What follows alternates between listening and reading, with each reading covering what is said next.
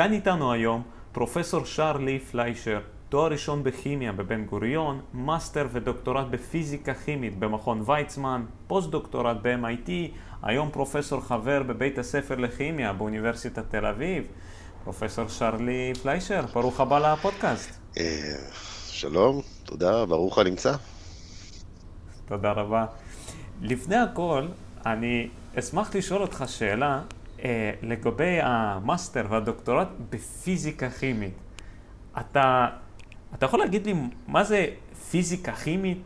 יש לזה איזשהו קשר אולי כימיה פיזיקלית? אה, התחלת, התחלת ב, ב, ב, בשאלות קשות, בסדר, אני אגיד לך. אה, תראה, קודם כל, הנה קוריוז קטן, השם של המחלקה בזמן שהייתי במכון ויצמן באמת נקרא פיזיקה כימית, היום קוראים למחלקה הזאת פיזיקה כימית וביולוגית.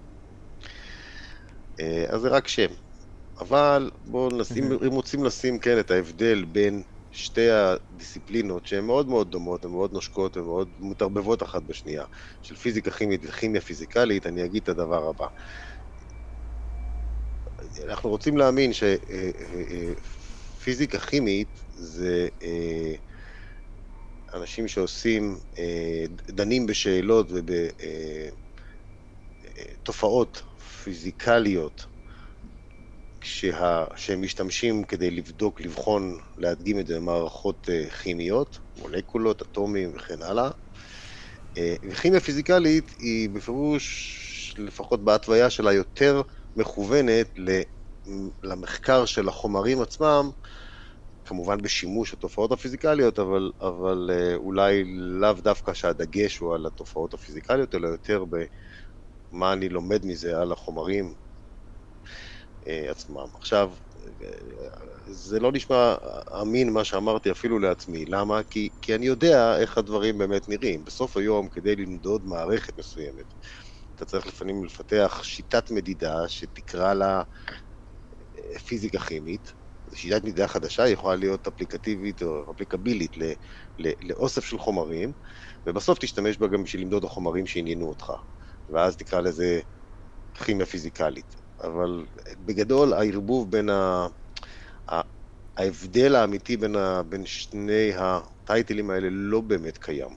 אצלנו בבית הספר לכימיה, אה, לפני שמונה שנים או תשע שנים, עדיין היו שלוש מחלקות. מחלקה לכימיה פיזיקלית, מחלקה לכימיה אורגנית ומחלקה לפיזיקה כימית. והנה, mm-hmm. באופן לא מפתיע, האנשים שהיו בפיזיקה כימית ובכימיה פיזיקלית היו פחות או יותר אותם אנשים שפשוט היו נכללים, נכללו בשתי המחלקות, והיום אנחנו מחלקה אחת שקוראים לה פיזיקה כימית. יש אנשים שעושים דברים שהם יותר בהיבט של המדע של החומרים והמולקולות והחומר, בכלים פיזיקליים, מתקדמים יותר, מתקדמים פחות, וכל אחד עם מה שהוא עושה. ויש אנשים שהדגש שלהם הוא על האפקטים הפיזיקליים בשימוש בחומרים האלה, אבל להגיד שאפשר להבדיל בין החבר'ה האלה הוא מאוד מאוד קשה. הבנתי, זאת אומרת, אנחנו פה כאילו מתעסקים אה, ב, בפיזיקה של החומר, של המולקולות, בממדים שהם יותר... אה, קטנים שהם בתוך, ה, בתוך החומר עצמו, וכאילו האפליקטיביות שלו זה מגיע בתוך הכימיה הפיזיקלית. כאילו פחות או יותר, אם אני מפשט, אם ככה הצלחתי קצת להבין את זה נכון. אני, זה, זה, זה, אחד, זה יכול להיות אחד המאפיינים, אם אתה רוצה, אבל אני יכול להגיד שאם אני אעבור עכשיו על... במחקרים אה, של, אה, של הקולגות שלי כאן, חברי הסגל האחרים, ואני אצטרך לבחור מי הוא יותר פיזיקה כימית ומי יותר כימיה פיזיקלית, אני אדע לעשות את זה. האם אני אדע לעשות את זה נכון? אני לא בטוח. אה, אה, אה, באמת, ההבדלים בין, ה, בין, בין הדיסציפלינות האלה, כי הן נשמעות כשני דברים שונים. אחד הוא A-B והשני הוא B-A, אבל האמת היא שזה נכון. זה, זה סך הכל משולב וזה אותו דבר. אוקיי, okay, אז קודם כל תודה על הפירוט בנושא הזה. ועכשיו אם אני ככה קצת מכווין את הוקטור לכיוון שלך, אה, למה דווקא אתה בחרת לעסוק בכימיה? מה משך אותך לכימיה? איך, אה, איך אתה רואה את העולם בצורה מהעיניים שלך, שאתה יודע, דווקא בחרת לנתח את העולם מהזווית הזאת? אז אתה נשמע יותר רומנטי ממה שאני הייתי אומר את זה, אבל אני אגיד ככה, האמת היא שאני התחלתי ללמוד ביולוגיה. התואר הראשון שלי, הסמסטר הראשון הייתי סטודנט לביולוגיה. הכוונה שלי הייתה בכלל ללכת וללמוד רפואה. אבל מה שקרה זה שבסמסטר הראשון, כמו שלומדים בביולוגיה, לומדים גם כימיה וגם פיזיקה. והתחומים האלה, הקורסים האלה, קורסי החובה האלה, שהם אה, משהו ש... שאתה פשוט חייב לעשות, זה לא, לא, לא לבחירתך. גם אם לא מעניין אותך פיזיקה ו... וכימיה, כשתלמד ביולוגיה תצטרך ללמוד גם פיזיקה וכימיה. יש סיבה טובה לזה, כן. אמ, הקורסים האלה עניינו אותי הרבה יותר. ודווקא רציתי להרחיב את האופקים שלי לכיוונים האלה. ואז אחרי סמסטר אחד עברתי באמת לכימיה, אה, והדגש לאורך השנים של התואר הראשון היה יותר לכיוון הכימיה פיזיקלית. למשל, קורסי בחירה שהייתי יכול לבחור היו עכשיו נטו יותר לכיוון של קורסים בכימיה פיזיקלית, בפיזיקה. וזהו, אה, ככה זה התפתח. זאת אומרת, לא באתי אה, לתואר ראשון עם אה, איזושהי כוונה להיות בעוד אה, 20 שנה איפה שאני היום, ולעסוק במה שאני עושה היום. זרמתי עם זה, אבל אני חושב שזה המשמעות של להתעניין במשהו, נכון? אתה מתחיל רואה משהו, נכון. אתה מגלה, מגלה איזה קצה של קרחון שלו, ואתה מתחיל לחפור פנימה ולהזיז את ה... להתחיל, להתחיל להתעמק, וכל דבר מוביל mm-hmm. לדבר, וככה גם נראה לדעתי המחקר שלנו במעבדה עד היום.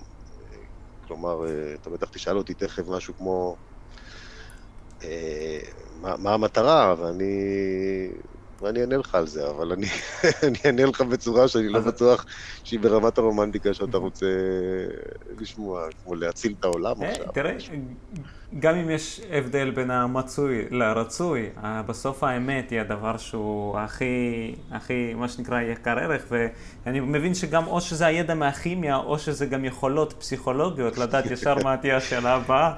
זה, אז, אז תראה, באמת, ובמה שאבל אני כן ראיתי אצלכם במעבדה, במה שאתם חוקרים, לא הייתי קורא לזה פיזיקה, אה, כימיה קלאסית. זאת אומרת, זה לא בדיוק, אה, הבנתי, ממה שבפשטות אפשר לחשוב עליו כניסויים עם נכון, חומרים נכון, נכון. נטו. זאת אומרת, אה, אתה בעצם, אה, אם תראה סרט אמריקאי, ודובר בו על מעבדה של כימאי, של פרופסור לכימיה, אתה מצפה להיכנס, שהמצלמה תיכנס דרך הדלת, ואז יראו שם אוסף של אה, אה, ביקרים כאלה, כלים כאלה, כלים כאלה אה, של כימאים, מבעבעים עם כל מיני צבעים וכל מיני, נכון, זה בגלל שאנחנו מושפעים מסרטים אמריקאים, אבל, אבל יש אצלנו בערך שליש מחברי הסגל שהם באמת מהסוג הזה, שאתה תיכנס אליהם למעבדה ואתה תראה משהו יותר מזכיר לך את מה שראית בסרטים. אה, אלה יותר בתחום של כימיה אורגנית, כימיה סינתטית, אנשים שמייצרים חומרים, עושים תרכובות אה, מתוחכמות, אה,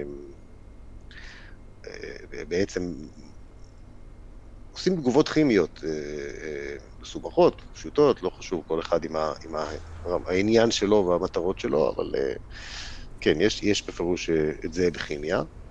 אבל האמת היא שלפחות בבית ספר לכימיה בתל אביב, שני שליש מחברי הסגל הם אה, במחלקה של אה, כימיה פיזיקלית, שהם, והם עושים, בהמשך למה שדיברנו, הם עושים פיזיקה כימית וכימיה פיזיקלית. אה, ושם אתה פחות תראה את ה... אה, הכלים הקלאסיים האלה של, אה, של אה, חומרים מבעבעים ועשן שנפלט ואנשים שרצים פתאום החוצה כי תכף משהו הולך להתפוצץ, אלא אתה תמצא אנשים שעוסקים אה, באופטיקה כבדה ואנשים שעוסקים במדע של ספקטרוסקופיה מסוגים שונים, כמו מגנטיק רזוננס, כמו, כמו NMR או MRI, אתה תמצא אנשים שחוקרים תופעות אחרות לחלוטין, שלא היית מייחס אותן בכלל לכימיה, שקשורות לתהליכים סטוכסטיים ולתהליכים רנדומליים ול... ול... איך, איך צברים של, של uh, של כל מיני פרטים זזים ביחד או משפיעים אחד על השני. המגוון הוא, על אף שאנחנו רק 29 או 30 חברי סגל בכימיה, המגוון הוא מטורף. פשוט מטורף. מפיזיקאים שמתעסקים בפיזיקה פיור, לכימאים שמתעסקים בכימיה הכי הכי טהורה, דרך לא מעט אנשים שעושים שימושים בביולוגיה, גם במערכות כימיות או, ולהפך. המגוון הוא, הוא, הוא באמת, אני לא יכול אפילו להתחיל לתאר אותו, כמה, כמה שונים הדברים ש, שאותם אנשים שנמצאים באותה מחלקה, באותו בית ספר לכימיה, הם שונים אחד מהשני. זה נשמע שכאילו בהכרח השני שליש שציינת, שלאו דווקא עם כל המבחנות והיצירת כל מיני חומרים כימיים, זה בהכרח שילוב של מספר דיסציפלינות, שאתה מתאר לי פה כמו צמיחה רנדומלית של דברים שזה יכול, לאיזה, כאילו זה יכול להיות קשור גם לביולוגיה, כן. לפיזיקה, זה כן. בהכרח שילוב. חלק מהמוטיבציות למשל במחקר הזה אה, באמת קשורות ל... ל... למוטיבציות ביולוגיות, להבין איך אה, זנים מת, מתפתחים, או, או אה, איך, אה, אני יודע, איך דבורה הולכת ומביאה צוף בדרך הכי יעילה, או איך כל הדבורים בכוורת ביחד מביאים צוף בדרך הכי יעילה. זה, אני פשוט נזכר במאמר ספציפי שפורסם פה בבית הספר לכימיה לפני כמה שנים, ועסק בזה. האם אתה יכול לקרוא לזה פיור קמיסטרי, כימיה טהורה, קשה לקרוא לזה, אבל זה, אבל זה פה.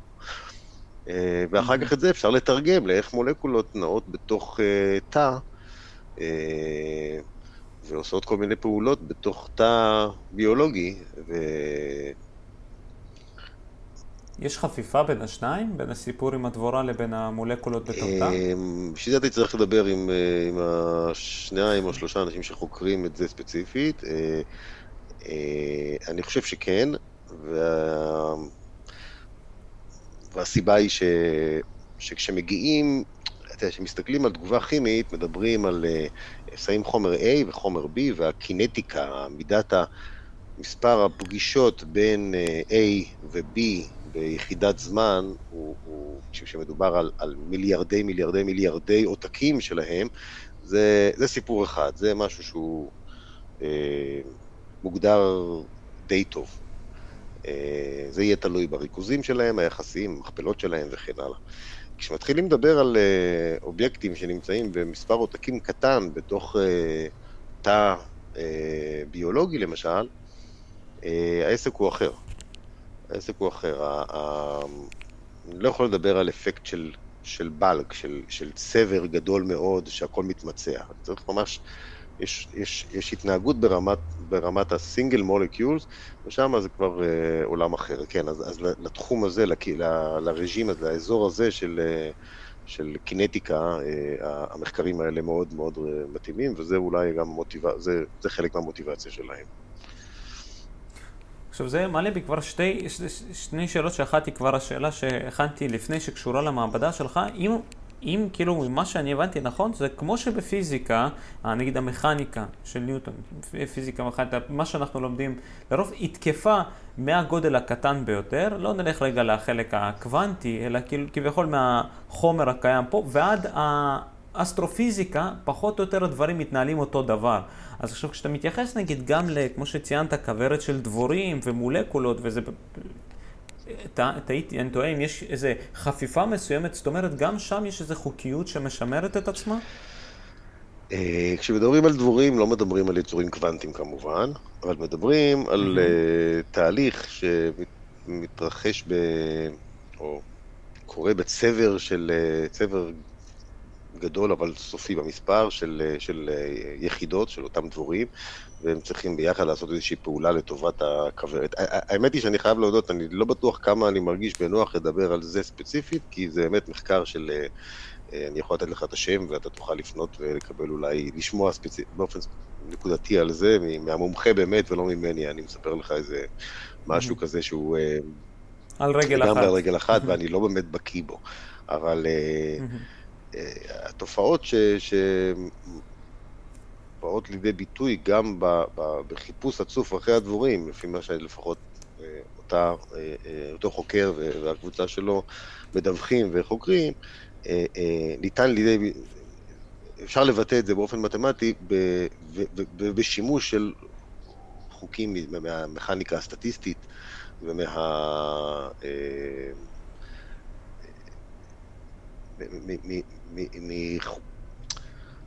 שוב, דברים שהם יותר סטטיסטיים, דברים שהם יותר מכניקה סטטיסטית.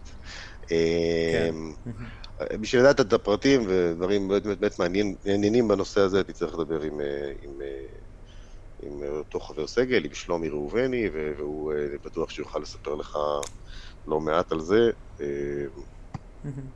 בטח, בשמחה. ואצלכם, אתם אצלכם במעבדה אתם עוסקים באופטיקה. אנחנו בעולם אחר לגמרי. ולמרות שאנחנו, אתם, למרות שאנחנו שכנים קומה אחת מעל, כן. כן, לפעמים, אתה יודע, קרבה פיזית, אבל עדיין העולמות הם עולמות שונים, זה ב, בוודאי. ואצלכם, כמו שאני מבין במעבדה, אתם עוסקים יותר בעניין של אופטיקה, נכון? אז אנחנו עוסקים יותר באופטיקה.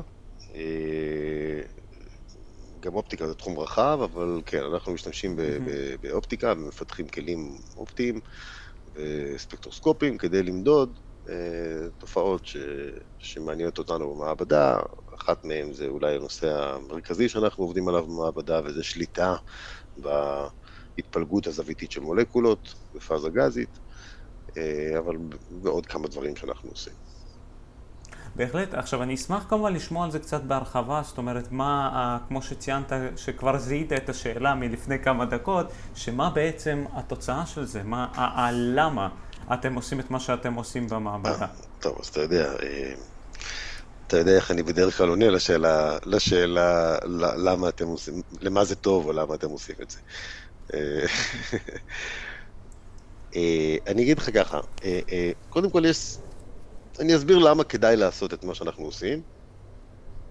ואם תוכל, סליחה שאני קוטע, אה, להסביר אולי בפשטות מה זה אומר ההתפצלות של, ה, אה, כמו שציינת את זה, פיזור, נכון? כן, פיזור כן, זוויתי של מולקולות. אני אנסה להסביר את זה בצורה הכי, הכי פשוטה.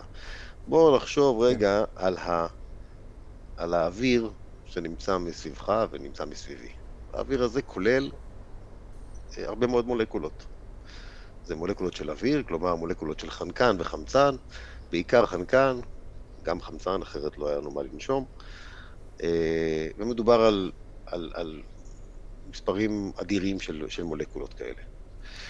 אה, עכשיו, מה זה מולקולה של חנקן? זה שני אטומי חנקן שמחוברים בקשר כימי, ואם אני רוצה לצייר אותם לעצמי, לדמיין אותם, אני אדמיין אותם כסוג של מקל. כן, יש לי שני אטומים ויש את הקשר שביניהם, אני אדמיין אותם כאיזשהו סוג של מקל. אה, הוא לא מקל נורא נורא ארוך ביחס לעובי שלו, אבל הוא, הוא אובייקט פיזיקלי שאני מתאר אותו כמקל או כרוטור. והדבר הזה יודע להסתובב, יודע לעשות עוד דברים, יודע גם לייצר שינויים בגודל שלו שקשורים לוויברציה ותהליכים אלקטרוניים וכן הלאה, אבל הכי פשוט, המקל הזה הוא מקל שהוא כמובן מסתובב.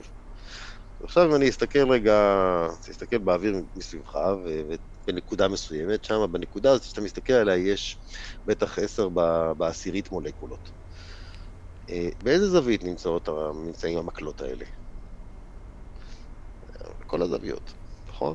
באופן כן, איזוטרופי. זה, זה נשמע, נשמע לי אקראי. אקראי, שמשהו אקראי, שעשר בעשירית, עשר בחזקת עשר מולקולות, מפולגות mm-hmm. באופן אקראי בכל הזוויות, בעצם אה, הן מייצרות, אם תסתכל על, תנסה לצייר את ה distribution שלהם, את, ה, את ההתפלגות שלהם, אתה תקבל משהו שהוא מין ספרי, כדורי כזה.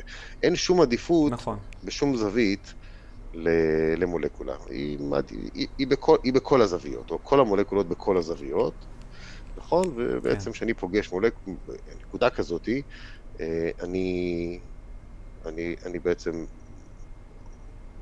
מסתכל על, על, על, על מולקולות שנמצאות בכל הזוויות האפשריות במרחב.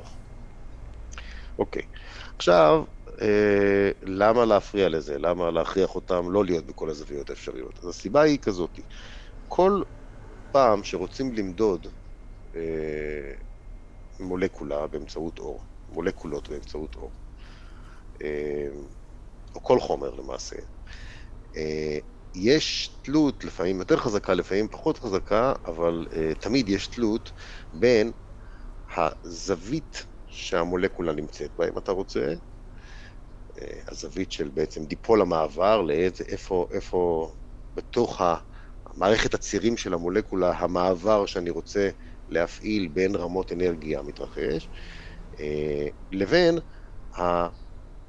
הזווית שהאור דוגם את המולקולה. הזווית שאני, שאני מתכוון, שאני אומר הזווית של האור, אני מתכוון לפולריזציה של האור. האור זה שדה אלקטרומגנטי, אה, מתנדנד, אה, וכשהוא מתנדנד, הוא יכול להתנדנד, השדה האלקטרומגנטי, השדה החשמלי שלו מתנדנד לאורך ציר מסוים. נכון. והציר הזה יכול להיות ציר Y של החדר הזה, או של המעבדה שאני נמצא בה, הוא יכול להיות ציר Z, הוא יכול להיות באוסף של כיוונים כאלה ואחרים. לצורך העניין, אם לקחתי לייזר ודאגתי שהוא יהיה מקוטב, לייזר שהוא מקוטב כן. אה, לינארית, כלומר, השדה, האלקטרו, השדה החשמלי הזה מתנדנד לאורך ציר מסוים, את זה אני הולך להשתמש כדי למדוד את המולקולות האלה. אבל מה, מה שקורה okay. זה אוקיי. שהשדה הזה מגיע, והוא מנדנד לאורך ציר Y, אבל מולקולה אחת הייתה לאורך ציר Y, אחת הייתה לאורך ציר X, אחת הייתה בכלל בניצב לשתיהם, וכל השאר היו כן. בכל כן. הזוויות האפשריות. מכיוון שהאינטראקציה בין אור לחומר תלויה בזווית הזאת, אה, לפעמים באופן מאוד מאוד אה, אה, משמעותי, לפעמים באופן קצת פחות משמעותי, זה אומר בהכרח שכשאני מודד צבר של מולקולות, אני מודד משהו שהוא ממוצע על כל הזוויות שהמולקולות היו בהן. כן. אוקיי. Mm-hmm. עכשיו, זה לא בעיה, זאת אומרת, אפשר לעשות ספקטרוסקופיה מאוד מאוד יפה וללמוד הרבה דברים על המולקולות גם, גם בצורה הזאת, והאמת היא שרוב הספקטרוסקופיות הקיימות עוסקות, שעובדות על, על, על חומר לא מסודר, כמו גז, כמו נוזל, כמו, כמו אפילו מוצקים שחלקם לא מסודרים, באמת, אה, נקרא לזה סובלים או נהנים מצבר של מולקולות שמצביעות בכל הכיוונים האפשריים. אבל... יש מוצקים שהם כן, מסודרים בוודאי, בטבע כבישים, שלהם? כן, כבישים מסודרים, אה. מסודרים בטבע שלהם. בגלל זה הצורה המיוחדת שלהם. זה בסוף גם משליך על כן? הצורה, כן? אבל זה, זה מסודרים ברמת תאי היחידה והמולקולות, אם תרצה, בתאי היחידה, אה, עם אוריינטציה ברורה וכן הלאה. איזה יופי. זה כמובן מה שקורה בסינגל קריסטל, בקריסטל בוד... יחיד ולא בתערובת של, של, של, של קריסטליטים, אבל, אה, אבל זה בפאזה okay. אוקיי. מוצקה, זה במוצק. אה, כן.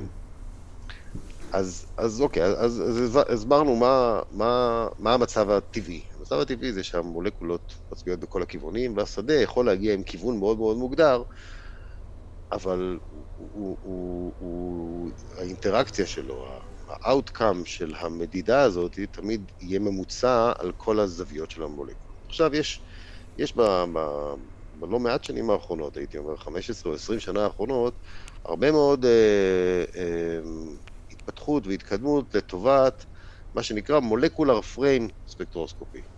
מה זה מולקולר פריים ספקטרוסקופי? ובעצם זה כשמה כן היא. אנשים מעוניינים למדוד איזשהו אפקט אה, פיזיקלי באמצעים ספקטרוסקופיים, באמצעות שינויים שחלים באור כתוצאה מהקרנה של חומר באור, וללמוד על ה... על, על ה לאפיין את החומר בצורה יותר טובה, אבל הם רוצים לעשות את זה עם uh, היכולת לעשות את זה uh, במערכת הצירים של החומר. כלומר, הם רוצים לדעת שמתי שהם יראו איזשהו פולס של לייזר על מולקולות, והמולקולות האלה, הם רוצים שה, שהתוצאה הספקטרוסקופית הזאת, אפשר יהיה לייחס אותה לציר הזה של המולקולה, ולא לציר הניצב, ולא לכל ציר אחר. אוקיי, okay. יש לנו יכולת שליטה בזווית oh, המולקולות? אז, אז זה בדיוק הנקודה. עכשיו, כשיש לי, כשיש לי מוצק, כמו ששאלת, מוצק מסוג שריג, באמת אה, שריג הוא מולקולות מסודרות בכיוון מסוים, זה כמובן לא כמו המולקולות הבודדות הנפרדות, יש אה, קשרים כימיים ביניהם ויש שם, אה, אפשר לקרוא לזה גם כמעט חומר אחר. אני אקח הרבה מולקולות כן. ואני אשים אותם קרח, שזה הרבה מולקולות באיזשהו סוג של גביש ומים, זה כן, מכיל, שניהם מכילים H2O, אבל התכונות שלהם אחרות לגמרי. אז, אז בכבישים אתה יכול לעשות את זה באמת, אבל איך תעשה את זה בפז, בפאזה גז. בגז. אז כן. מכיוון שאני לא יכול להגיד ללייזר שלי, תשמע, תתחיל לנוע בתוך תא המדידה, כשאתה פוגש מולקולה, תבקש ממנה בעדינות להסתובב לכיוונך, ואז תמדוד אותה כשהיא בכיוון הנכון ביחס לפולריזציה שלך. אני לא יכול uh, לעשות את זה כמובן, יש לי זה, זה דבר שאני לא יכול לעשות. אבל מה שכן אפשר לעשות, אפשר לקחת פולס לייזר, כלומר, לייזר, בדרך כלל זה לייזר בתחום הפמטו שניות, אה, שהוא מאוד קצר בזמן, ולירות אותו על המולקולות. ולא להשתמש בו ככלי מדידה, לא, אנחנו לא נרצה לראות את השינויים שחלים בפולס הזה שפגש את המולקולות, אבל הפולס הזה הוא יכול להיות גם מספיק חזק כדי אה, לסובב את המולקולות. בעצם... אוקיי, okay, לכיוון מסוים כללי. כן, הכיוון המסוים הזה הוא הכיוון במקרה הזה של הפולריזציה של הפולס הזה. זאת אומרת, אם אני עכשיו יורה אה, פולס אה, לייזר כזה על מולקולות בפאזה גזית, אה, הוא, הוא עושה איתם אינטראקציה כזאת, שקצת אחרי שהפולס הזה פגע במולקולות, המולקולות האלה שעד עכשיו התפלגו כאילו כמו כדור כזה, כמו ספירה כזאת, כן. הן מתיישרות לכיוון ציר הפולריזציה, נקרא לו ציר ה-Z כדי שיהיה קל אה, לדבר על זה. כן. מיד אחרי הפולס זה מה שקורה. זה אפקט שהוא אפקט שאפשר להסביר אותו קלאסית לחלוטין, זה לא... אה, זה לא נורא, הוא, הוא, הוא בעצמו לא נורא מפתיע אם אתה רוצה. אוקיי. Okay. אה, אז מה שקורה זה שכל המולקולות מקבלות סוג של בעיטה כזאת, הן מתיישרות לאורך ציר Z, אבל הן ממשיכות להסתובב, אין שום דבר שעוצר אותן מלהסתובב. נכון. הן קיבלו מכה והן מסתובבות. זה רק יישר את כל המולקולות כגוש כביכול לכיוון נכון, מסוים. אבל, ובזמן מסוים. בזמן מסוים, כן. כי, כי זה אוסף של אובייקטים, הרבה מאוד מאוד מאוד, זה לא מספרים בודדים, מדובר על מיליארדי מיליארדי מיליארדי מולקולות כאלה, והן. מקבלות בעיטה כזאתי, והאופי של הבעיטה, שנובע מהצורה המאוד מסוימת של האינטראקציה של אותה, אותו פולס שבועט בהם, אה, אה, גורם לזה שהן כולן מתיישרות לאורך ציר Z. ואני אגיד לך ולמאזינים שאני מרגיש בנוח להגיד את המילה בועט בהם, מכיוון שהמודל, שנוכל למצוא אותו גם ברשת, נקרא קוונטום קיקט רוטור, זה לא סתם, זאת אומרת, אה, זה באמת אה, רוטור שבעטת בו, קיקט רוטור. אה, ולמה קוונטום? למה קוונטום? קוונטום, מכיוון שהרוטור הזה, הוא עד עכשיו התייחסנו אליו כאל מקל, הוא באמת מקל, מקל מאוד קטן. אה, אבל הוא לא קיים פיזית, זה לא באמת מקל, לא? זה קשר בין שני נכון, אטומים. נכון, אבל, אבל לכל צורך מעשי הוא, הוא רוטו, הוא, הוא, מקל, הוא מקל. אפילו okay. אוקיי. בדרך כלל מתייחסים אליו כאל מקל צפיד או קשיח, כזה שהוא לא, לא משנה את הגודל שלו, גם לזה יש הרחבות כמובן. הוא, הוא כן קיים פיזית, אבל okay. אוקיי. הוא עושה, אה, מכיוון שהוא יצור קוונטי בסוף היום, אה, ולא קלאסי, mm-hmm. אז קורים דברים מעניינים. למשל, הדבר הבא. אם הייתי לוקח את מה שתיארתי לך עכשיו, בועט במולקולות האלה עם אותו פולס לייזר חזק, והמולקולות האלה היו קלאסיות, הם מיד אחרי הפולס הזה הם היו מסתובבות ומתיישרות, אחר כך זה היה ממשיך, הן היו ממשיכות להסתובב והופכות להיות שוב איזוטרופיות, מפולגות באופן אחיד פחות או יותר בכל המרחב, ו- כן. ולעולם, לעולם לעולם לא היית פוגש אותם שהן מיושרות שוב פעם. בסדר? Mm-hmm. זה משהו שהוא לפי חוקי הפיזיקה הקלאסית. בסדר? כן. אה, אבל המולקולות הם יצורים קוונטיים, ואז קורה דבר מעניין. אתה בועט בהם עם פולס כזה, מיד אחר כך הן מסתובבות ומתיישרות, ואז הן מתפזרות בכל המרחב, שוב פעם, אבל בגלל שהן יצורים קוונטיים, אחרי פרק זמן מאוד מסוים, הן שוב פעם טק מיושרות חזרה. ואז זה נעלם עוד פעם, ואז הן פתאום מופיעות עוד פעם, אבל הפעם הן אנטי מיושרות, הן בדיוק ב-90 מעלות למה שהן היו קודם. ובאמצע קורים עוד אוסף של דברים מעניינים שאני לא אעלה אותך עכשיו ואת המאזינים, אבל, אבל אה, האפקט הקוונטי הזה נקרא Quantum Rotational Revivals. אה, והוא נובע מזה שבעצם למולקולות יש אה, תנע זוויתי מקוונטט. מולקולה, בניגוד למקל של מטאטא, שהוא יצור קלאסי, או מקל, גם מקל, גם, גם, כן, גם מקל, מקל פיזי, אגב בגודל גשמי. של מיקרון הוא כבר מקל אה, קלאסי. אה, כן. אבל אה, מולקולה היא הרבה יותר קטנה. אה, למולקולות יש אה, תנע זוויתי מקוונטט ואנרגיה רוטציונית מקוונטטת. כלומר, יש ערכים מאוד מסוימים שהיא יכולה לקבל, ואין ערכים אחרים שהיא יכולה לקבל.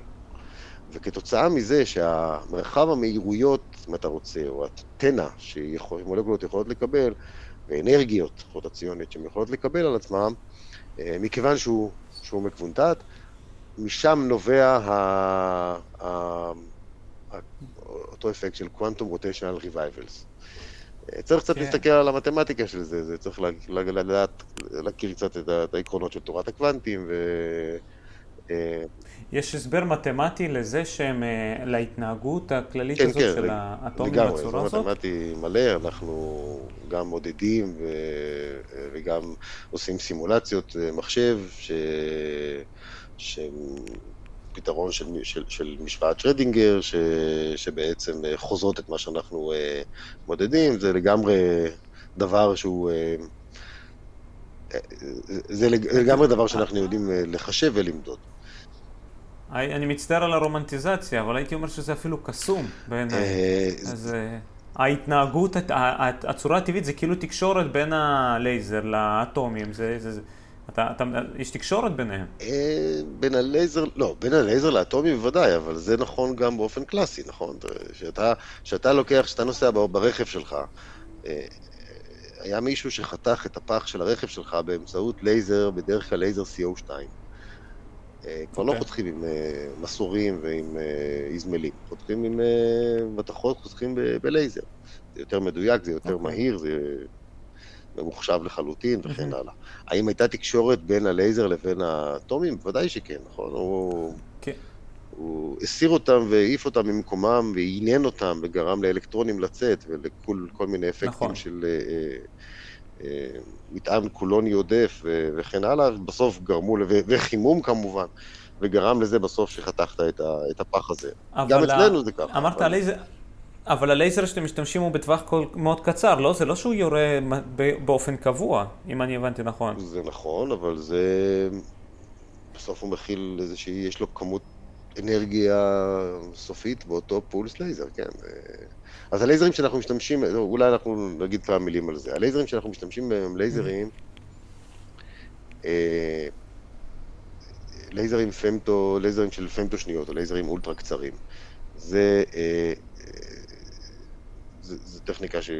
זה לייזרים שאנחנו קונים, אנחנו לא מייצרים אותם. בעבר אנשים היו צריכים לבנות אותם בעצמם, כי לא היה את זה commercial, אה, מסחרי, אבל היום אפשר לקנות את זה.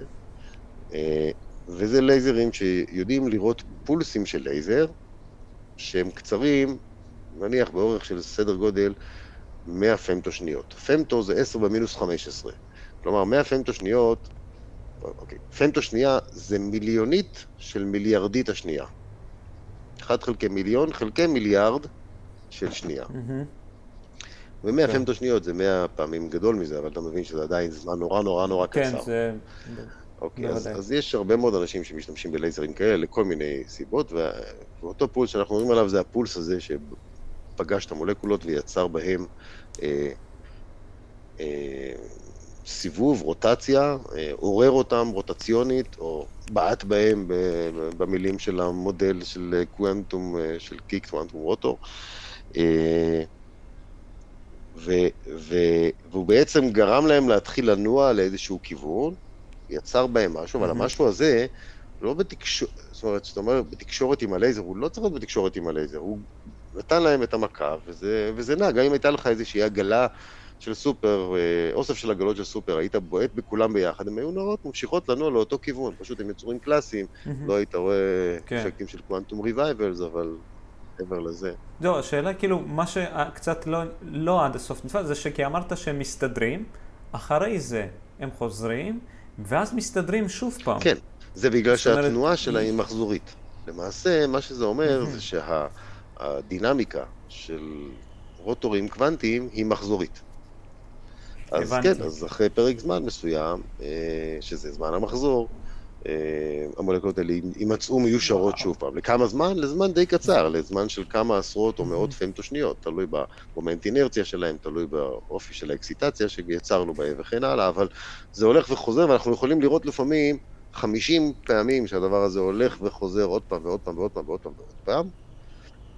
וגם הפוך לו, כמו שאמרת, כמו נדנדה, זאת אומרת, אם הוא היה על ציר, אה, נגיד Y, או אחרי זה על ציר X. כן, המולקולות מופיעות בכמה התפלגויות אה, אה, מרחביות אופייניות, שאנחנו גם, גם עושים, מנסים לעשות בזה כל מיני שימושים לצרכים של מחקר וספקטרוסקופיה כמובן, אבל למשל, אנחנו, אנחנו מפתחים כל מיני השתמשנו בעבר, ואנחנו מפתחים גם היום, כל מיני כלים שבהם אנחנו מעוררים את המולקולות האלה, כמו שתיארתי לך, נותנים להם לעשות, להתפתח בזמן, לעבור איזושהי אבולוציה בזמן, אנחנו מדברים פה על זמנים קצרים, הזמנים שאנחנו, כן, הזמנים כן, הכי ארוכים שאנחנו מודדים במעבדה הם אה, אחד וחצי ננו שנייה, בסדר? זה, זאת אומרת, זה, זה מבחינתנו, אחד וחצי ננו כן. שנייה זה זמן סופר ארוך.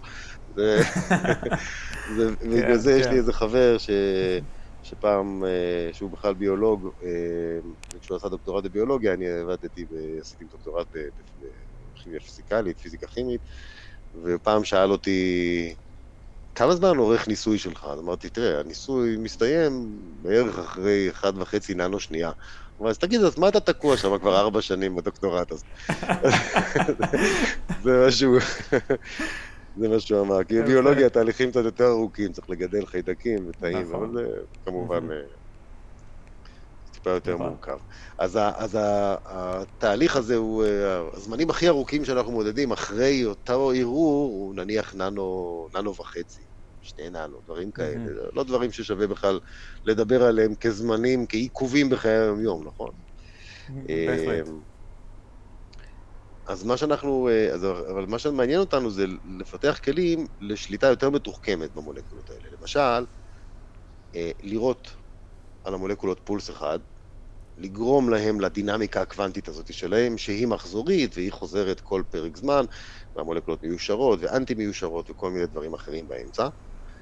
ואז, בזמן שאנחנו בוחרים לירות עליהם עוד פולס, לייזר. הפעם, okay. אוקיי. הפולס השני של הלייזר יפגוש מולקולות שהן כבר לא במצב טרמי רגיל, כמו המולקולות שסביבנו כאן באוויר, שאנחנו יושבים, אה, שנמצא מסביבנו, mm-hmm. אלא עכשיו המולקולות האלה הן כבר מעוררות.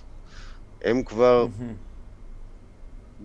מתפתחות בדינמיקה קוונטית כזאת, אה, ש, שהופך אותן להיות סספטביליות או מוכנות לקבל את הפולס הבא וכתוצאה מזה להגיב בדרך אחרת. אני אתן לך למשל דוגמה, אנחנו יודעים לקחת uh, שני פולסים של לייזר, uh, כאשר הראשון מעורר את המולקולות, והשני שמגיע ככה וככה פיקו שניות אחרי, פיקו זה 10 במינוס 12, זה, זה רק פי אלף יותר איטי מאשר, uh, מאשר פמטו, ופי אלף יותר מהיר מאשר ננו, וכולם זמנים מאוד קצרים, אבל פולס שני שפוגש את המולקולות, אה, אחרי כמה פיקו שניות, יכול לגרום להם להסתובב ולהתיישר באופן מחזורי הרבה יותר חזק.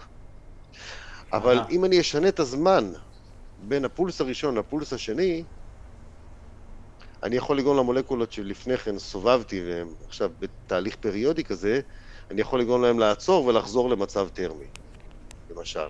כן. כן, כאילו גל הופכי נקרא לזה ככה. סוג של, כן. במונחים של אה, כן, פיזיקה כן, אה, מכנית. נכון, זה יהיה סוג של גל הופכי, זה, עוד פעם, התיאור שלו בקוונטים הוא טיפה יותר מורכב, אבל זה, זה, זה, זה, אני בטוח. זה, זה נכון, צורת המחשבה היא נכונה. ויש עוד אוסף של דברים באמצע שיכולים לקרות, כמו אפקטים של אקו, ו-refacing echoes, ו-non-refacing echoes, וכל מיני דברים שאנחנו, שוב, זה קצת יותר ככה, דברים ש, שמאפשרים כל מיני... אה, אה, מדידה של כל מיני אה, תכונות של האנסמבל הזה של המולקולות שמעניינות אותנו. למשל, כשאני יורה במולקולות, פולס כזה, ואני אומר שזה חי למשך 1.5 ננו שנייה, האמת היא שזה יכול להיות הרבה יותר מאשר 1.5 ננו שנייה. פשוט אני מוגבל טכנית במעבדה שלי למדידה של עד 1.5 ננו שנייה, ועם קצת שדרוגים ושפצורים אני יכול גם להגיע לשלוש ננו שניות למשל. אבל, אבל מה שמעניין אותנו זה מה קורה תוך כדי אותו פרק זמן. אחרי שהמולקולות האלה, אחרי שבעטת במולקולות האלה ומתחילות בדינמיקה המחזורית שלהם, הסיגנל שלהם הולך ודועך. Okay. אוקיי. והוא הולך ודועך מכל מיני סיבות. אחת הסיבות זה שהן פשוט פולטות פוטונים וחוזרות למצב טרמי. אחת הסיבות אה, זה שהמולקולות האלה פוגשות מולקולות אחרות בסביבתם, לא חייב להיות אה, שני כדורים שמתנגשים אחד בשני, כמו שני כדורים בעלי מטען חשמלי שמשרים שדה אלקטרומגנטי אחד על השני, ומה שנקרא dipole, כן. dipole interactions, וגורמים לדעיכה ולאיבוד של, של, של הדינמיקה הזאת. וגם זה לא דבר טריוויאלי, כי הוא יכול להיות, אה, אה, להתבטא בתהליכים שהם ניתנים לשחזור או לאחזור, אה, תהליכים rephasable יים, כאלה שהם, אפשר להחזיר אותם, כביכול להחזיר, להחזיר קצת את הזמן אחורה ולראות האם, האם כתוצאה מהאפקט הזה הם דעכו, או כתוצאה מאפקט אחר של אה, איבוד פאזה מושלם. זאת אומרת,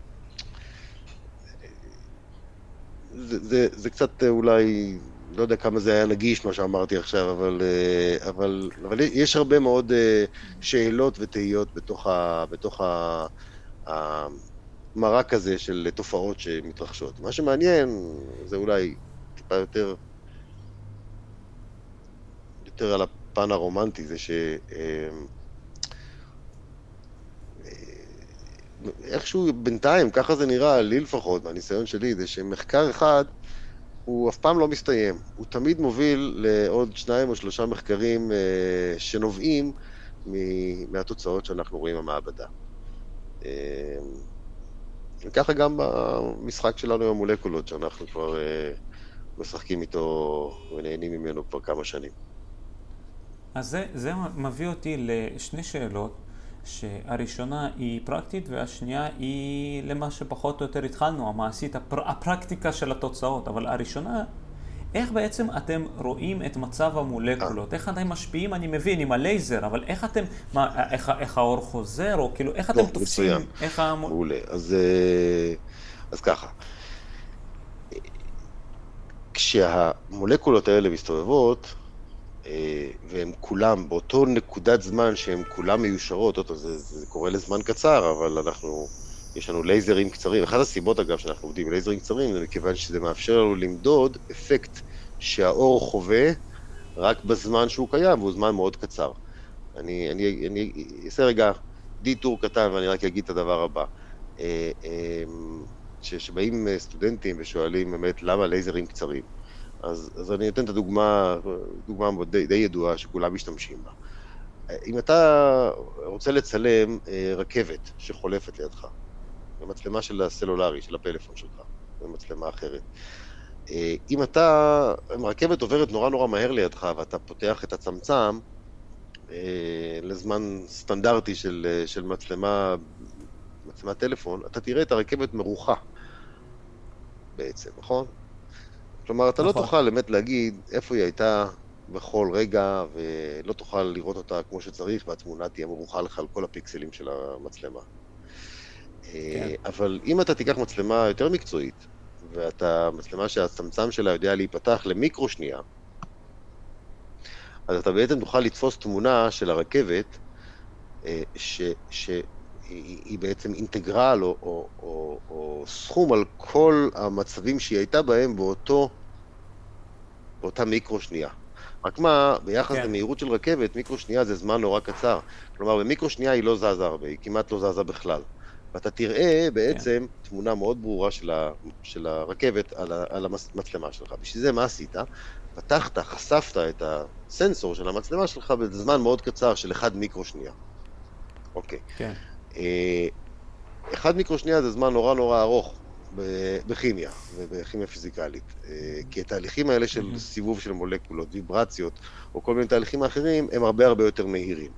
אנחנו מחפשים, בדיוק כמו האנלוגיה שהרגע סיפרתי, אנחנו מחפשים כלי מדידה שהוא מספיק קצר, שהוא יותר קצר מאשר אה, סקלת הזמנים שבהם אה, אה, מתרחשים תהליכים כימיים. ולכן אנחנו משתמשים בפולסים של 100 פנטו שניות ואפילו פחות מזה. אוקיי. כן. אז זאת הסיבה לפולס קצר. עכשיו, איך הפולס הקצר, לשאלתך, איך הפולס הקצר מספר לי על מה קרה למולקולות באמת? אז ההסבר הוא כזה, אה, אה, כשאני יורה פולס אחד על המולקולות, הן מתחילות לעשות את הדינמיקה שלהן, וסיפרנו שהן מתיישרות ואנטי מתיישרות ועושות כל מיני דברים. הצבר הזה של המולקולות, שאחר כולן מיושרות, הוא בעל תכונות אופטיות שונות מאשר צבר של מולקולות שהוא, שהן לא מיושרות, שהן בהתפלגות אחידה בכל הזוויות. אה, נכון. למשל, התופעה שאנחנו מדברים עליה היא נקראת birefringence. birefringence זה אה, אה, שני מקדמי שבירה ניצבים שיש לחומר הזה. למשל, כשהמולקולות האלה מיושרות, לאורך ציר Z, אם אני אקח פולס נוסף של לייזר ואמדוד את המהירות שבו הוא נע דרך המולקולות האלה, המהירות הזאת תהיה קצת יותר איטית מאשר כאשר המולקולות הן אה, נכון. בהתפלגות אחידה. נכון. כי הן צפופות יותר, לא, כאילו, לא, כן? לא, הן לא צפופות. הצפיפות שלהן זהה לחלוטין. כל ההבדל הוא שה... שהמקלות האלה הם כולם עכשיו מיושרים לאורך ציר אה, נכון. Z. אין לי, אין לי מספר גדול יותר של, של מקלות. אם היו לי מיליון, אז יש לי מיליון גם עכשיו. אבל המיליון האלה לפני כן התפלגו באופן איזוטרופי, והמיליון האלה עכשיו הן מיושרות לאורך ציר Z. Okay. אוקיי. למה? כי, כי אתה שואל, אתה אומר למה שזה יקרה. אז זה יקרה מכיוון שכשם ש... שכל ספקטרוסקופיה שאנחנו מודדים, כל מדידת חומר באמצעות אור תלויה בזווית של הכיתוב של האור, של הציר של השדה האלקטרומגנטי, של השדה החשמלי של האור, ביחס לצבע, ביחס למולקולות האלה, אה, גם מהירות, ה, גם מהירות האור, גם מהירות האור תלויה בזווית הזאת. למעשה זה, זה עוד סוג של אינטראקציה בין אור לחומר, ו... כן. ולכן, אה, ולכן, ולכן זה מושפע גם. אז, אז בזמן שהמולקולות מיושרות לאורך ציר מסוים, אה, מהירות האור לאורך הציר הזה יותר נמוכה, ומהירות האור לאורך הציר הניצב היא קצת יותר גבוהה. ומאשר מאשר כשהמולקולות מתפלגות איזוטרופית. ואז בעצם שימוש בפולס נוסף של לייזר, הפעם חלש, מאפשר לנו כן. לראות שינויים בכיתוב של האור שמודד את, ה, את המולקולות שהפולס הקודם גרם להם לשינוי הזה. זה, זה בעצם הדרך למדוד את זה. אז ככה בעצם, בדיוק, ככה אתם יודעים בערך, בעצם איך, באיזה מצב נכון, נמצא. זה, זה, זה שיטה אחת. הטריק הספציפי של המעבדה שלנו, זאת אומרת, אה, הדבר שאנחנו ככה יותר אה, אה, מוכרים בו, זה השילוב של שדות אלקטרומגנטיים יותר מיוחדים נקרא להם, או לפחות כאלה שהם יותר חדשים, או פחות יש ניסיון איתם, וזה התחום של טרה-הרץ. זה גם הטייטל של, ה, של המעבדה, אה, מעבדה לספקטוסקופיה טרה-הרץ אולטרה מהירה.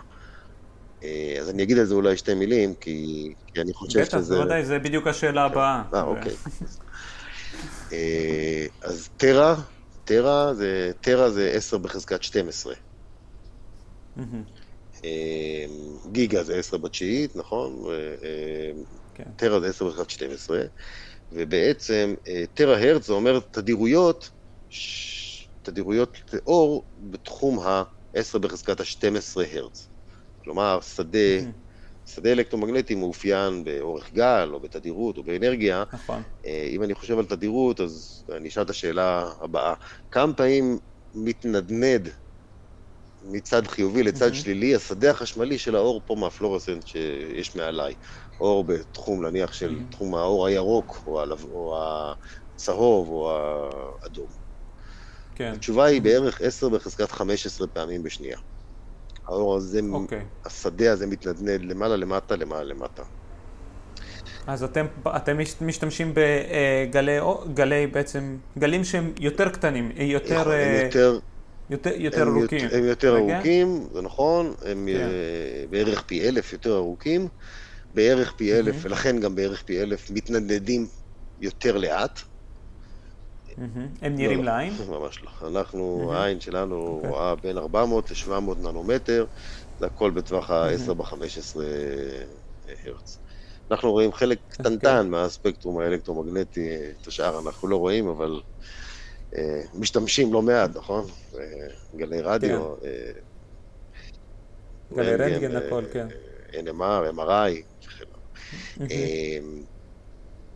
אוקיי, אז עכשיו, אה, אה, הגלים האלה של גלי הטרה-הרץ, אה, הם, הם מתנדדים מספיק לאט, ואנחנו מייצר, יודעים לייצר אותם במעבדה אצלנו, בכל מיני תהליכים של אופטיקה לא ליניארית, אופטיקה שדורשת ערבוב של, של כמה תדירויות, לפעמים עם סימן פלוס ביניהם, לפעמים עם סימן מינוס ביניהם, כדי לייצר תדירויות חדשות. אנחנו עושים את זה במעבדה, ומייצרים קרינת טרה-הרץ די עוצמתית, והשדות האלה של הטרה, אותם פולסי טרה-הרץ, אה, בעצם מתנדדים פי אלף יותר לאט מאשר הפולסים המקוריים שהלייזר שלנו מספק.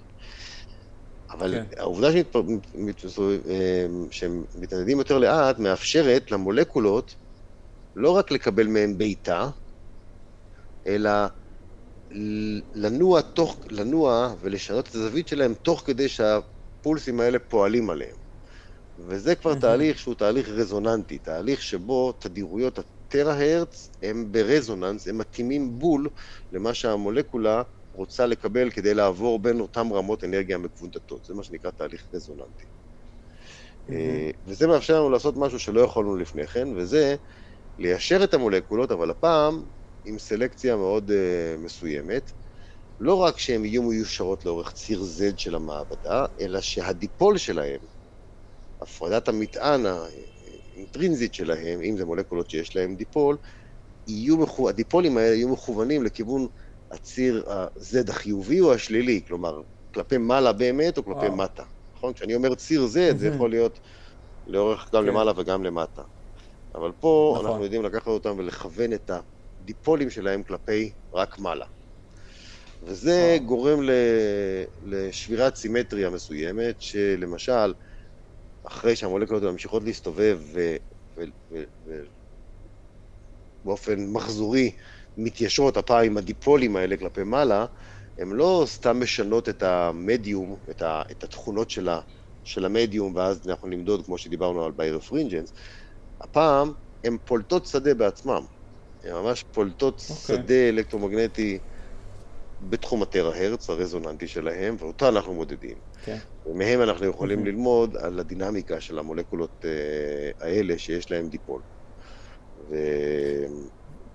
ואיזה אפליקטיביות יש לשוני בעצם, כאילו מה אתם, מהתוצאה עצמה, ממה כן. שאתם מבינים, איך אתם מיישמים את זה? אה, אז, אז קודם כל אנחנו, כמו שאמרתי, הצורך במולקולות אה, אה, במדיום אניזוטרופי, במצב שבו כל המולקולות הן מיושרות לאורך ציר מסוים, כדי לאפשר מדידות ספקטרוסקופיות מתקדמות שלהם, הוא קיים.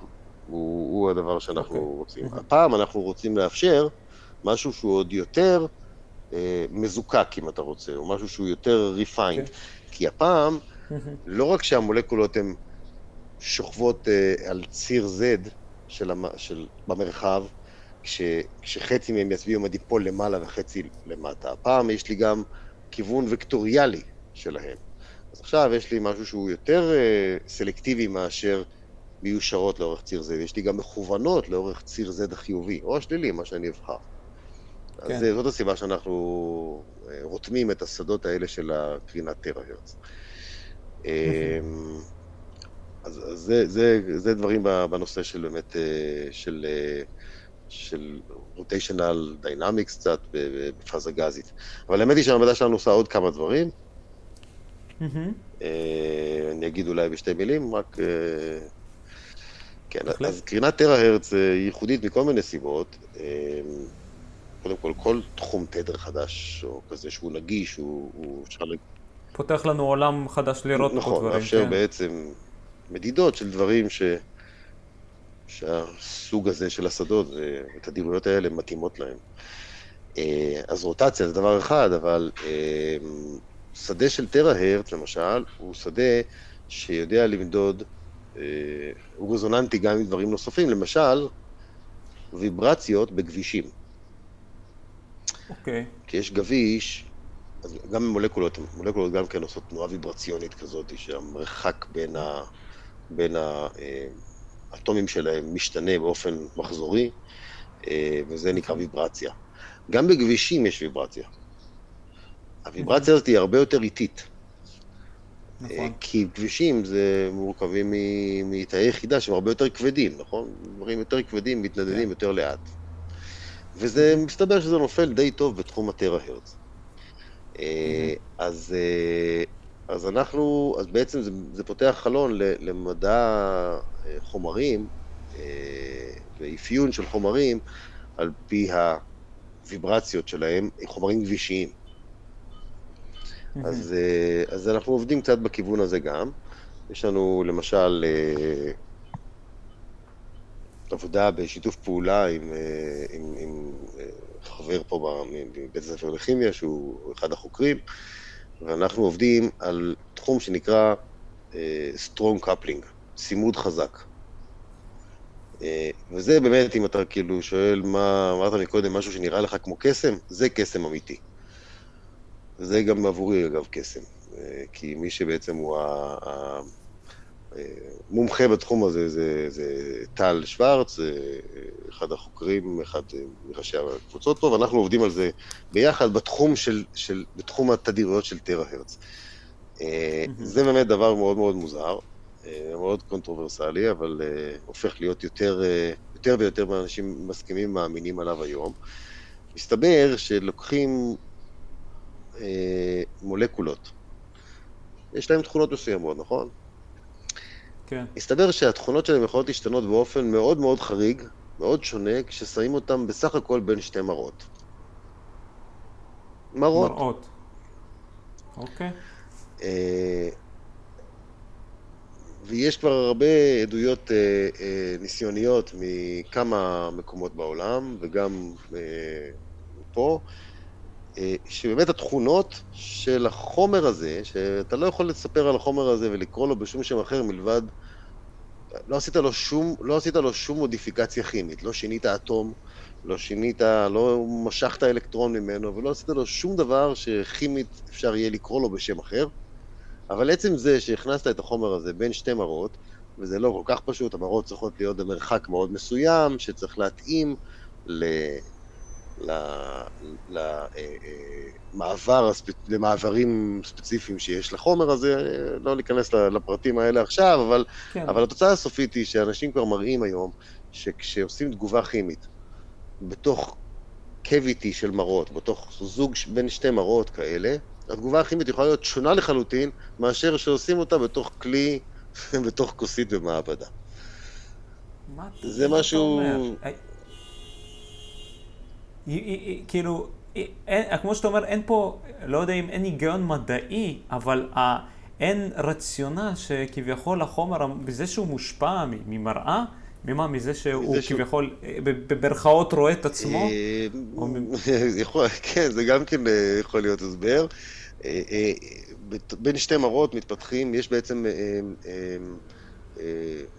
אופני תנודה של, של אור, שתי מראות במרחק מסוים יכולות לתמוך רק בתדירויות מאוד מסוימות של אור, מכיוון שמה שחי בתוך אותו קוויטי, בתוך אותו מהוד, אה, חייב להיות אה, מספר תדירויות, תדירויות שמשלימות מספר שלם של אורכי גל בתוך המהוד הזה, מספיקות להסתובב מספר שלם של אורכי גל.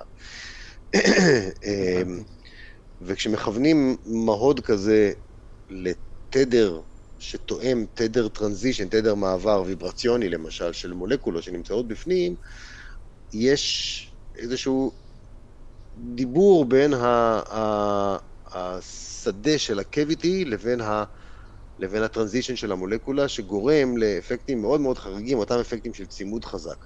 זה בא לידי ביטוי בכל מיני חיוויים ספקטרוסקופיים, אבל זה, היום זה כבר רואים שזה בא לידי ביטוי בתוצאות, תוצאות, בתוצ, בתוצרי תוצרי תגובה כימית. זה, זה באמת, אני, אני, תראה, אני אומר את זה, אה, קודם כל, זה, זה דבר שהוא אחד הדברים הפח- הפחות מובנים, אבל, אבל כבר מובהקים שכבר יש היום. זה חדש? זה- זה משהו זה שהוא משהו שהוא די חדש. אה, בכמה שנים האחרונות אנשים חוקרים את זה. יש כבר מספיק עדויות ניסיוניות שאפשר לסמוך עליהן שהדבר הזה קורה. אה, בינתיים לא מבינים באמת את כל הדיטיילס, את כל הפרטים ללמה זה קורה. זה...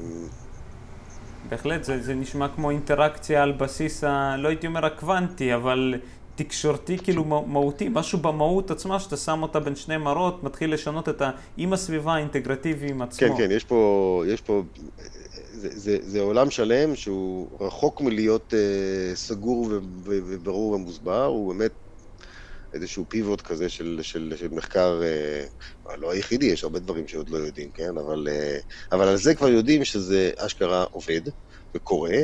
Mm-hmm. וחוקרים את זה ניסיונית ותיאורטית במקביל, והחיבור בין הניסיון לתיאוריה עוד רחוק מלהיות מושלם, ולכן זה מעניין, כי זה משהו שהוא... זה מזכיר לי את העובדה שאם אתה אה, לוחש, שיראו שאם אתה מדבר למים או לוחש למים, אז זה משנה את ה, איזה צורה, צורה בפנים, זו צורה מולקולרית. אני מקווה שאתה לא מתייחס לסרט uh, What the Bleep. אני לא ראיתי. זה טוב, לא. טוב מאוד, אה, עדיף, לא לראות באמת. אה, תראה, אה, שם הראו, אם אני זוכר, משהו כמו, ישב איזה נזיר, לא יודע, איפה, והתפלל, התפללו ליד מים וראו שהם מתגבשים אחרת במידה ולוחשים להם מילים כאלה או מילים אחרות. אז בסדר, זה סרט אמריקאי נחמד, אבל זה לא, אני לא מתכוון ל... אוקיי, התוצאות שאני מספר לך עליהן עכשיו, או הכיוון הזה, הוא הרבה פחות ביזאר מאשר מה שראו, מה שראו בסרט okay. הזה, אוקיי. הרבה יותר מובהק ו- ונחקר בצורה הרבה יותר רצינית מאשר אה, ללחוש קצת למים. אה, אבל אתה יודע, who knows. אה. כן, קיבלתי, קיבלתי את זה. עכשיו, תראה, מתוך, נדמה לי, נחשפתי לכתבה, אני בדיוק מסתכל איפה היא, אה, שמדברת בדיוק על הגלי טרה-הרץ ועל האפליקטיביות שלהם, ש... אה, ש... שאם, איפה אני, רק שנייה נמצא את זה, אה, הנה, שהשיטה החדשה תאפשר לזהות תרופות מזויפות, חומרי נפץ מרחוק ולבצע בדיקות דגימות רפואיות בקרינה לא מייננת. זה, הכל באמצעות הטרה-הרץ הזה. אה, גלית. ו... אה, אה, רגע, זה כתבה, זה כתבה שאני, שות, שאני מופיע בה באיזושהי... כן, כן, כן, לפני שנתיים, כן. אבל פה רשום דוקטור שרלי כן, בסדר, זה ש... מאז, מאז, כן, כמו שאתה יודע, עברו שנתיים. אוקיי,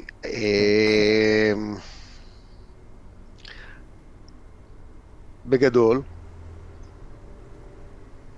קרינת טרה-הרץ, אה, אנשים כבר לא מעט שנים אגב, אה, החל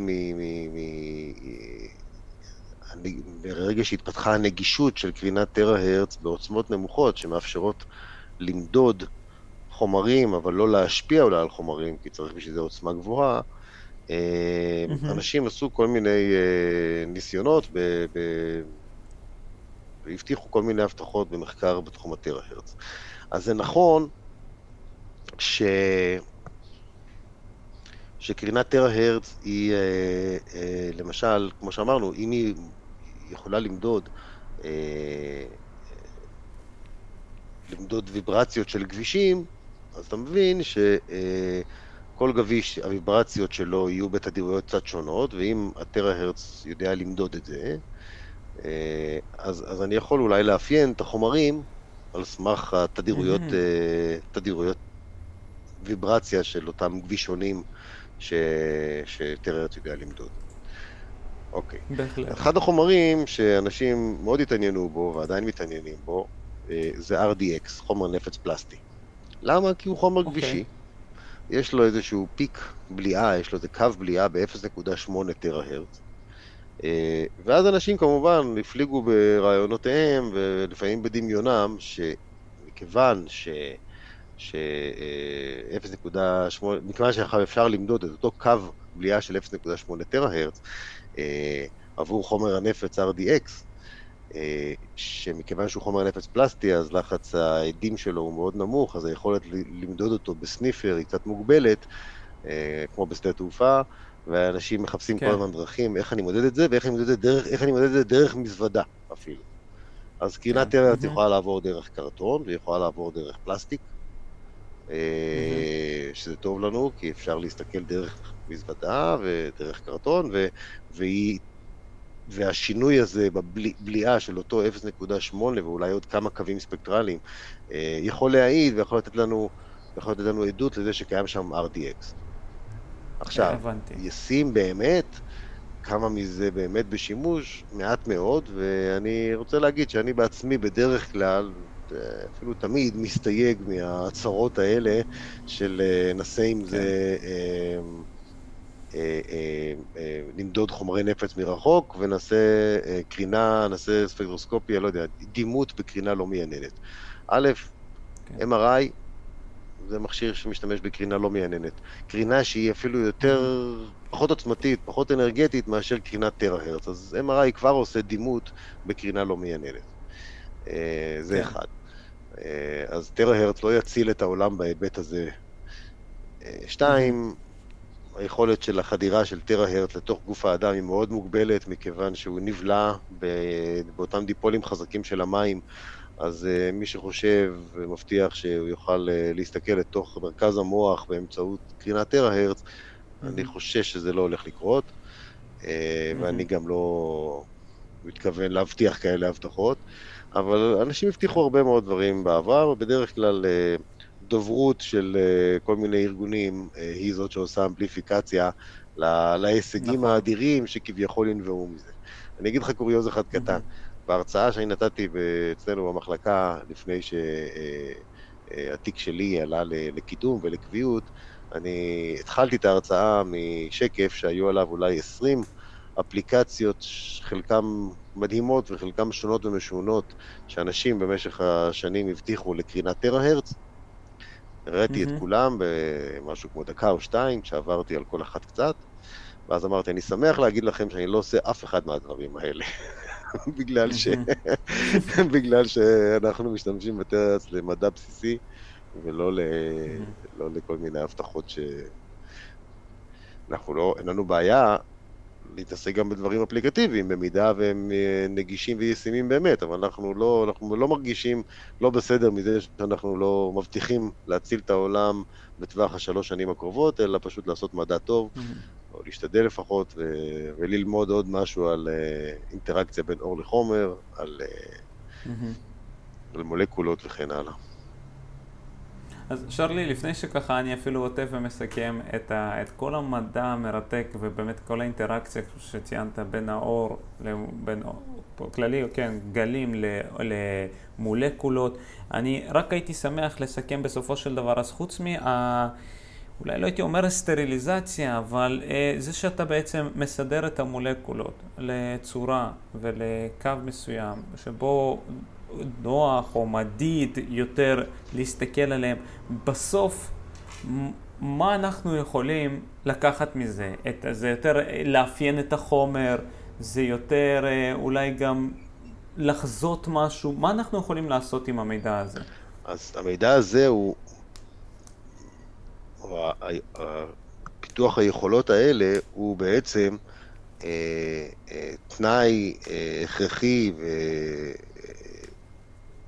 ולפעמים הכרחי ולפעמים הוא פשוט משפר מאוד מאוד את היכולת למשל ללמוד תהליכים אחרים במולקולר, רק הפעם מאותו פריים, מאותו, מאותו מולקולר פריים ספקטרוסקופי, למשל.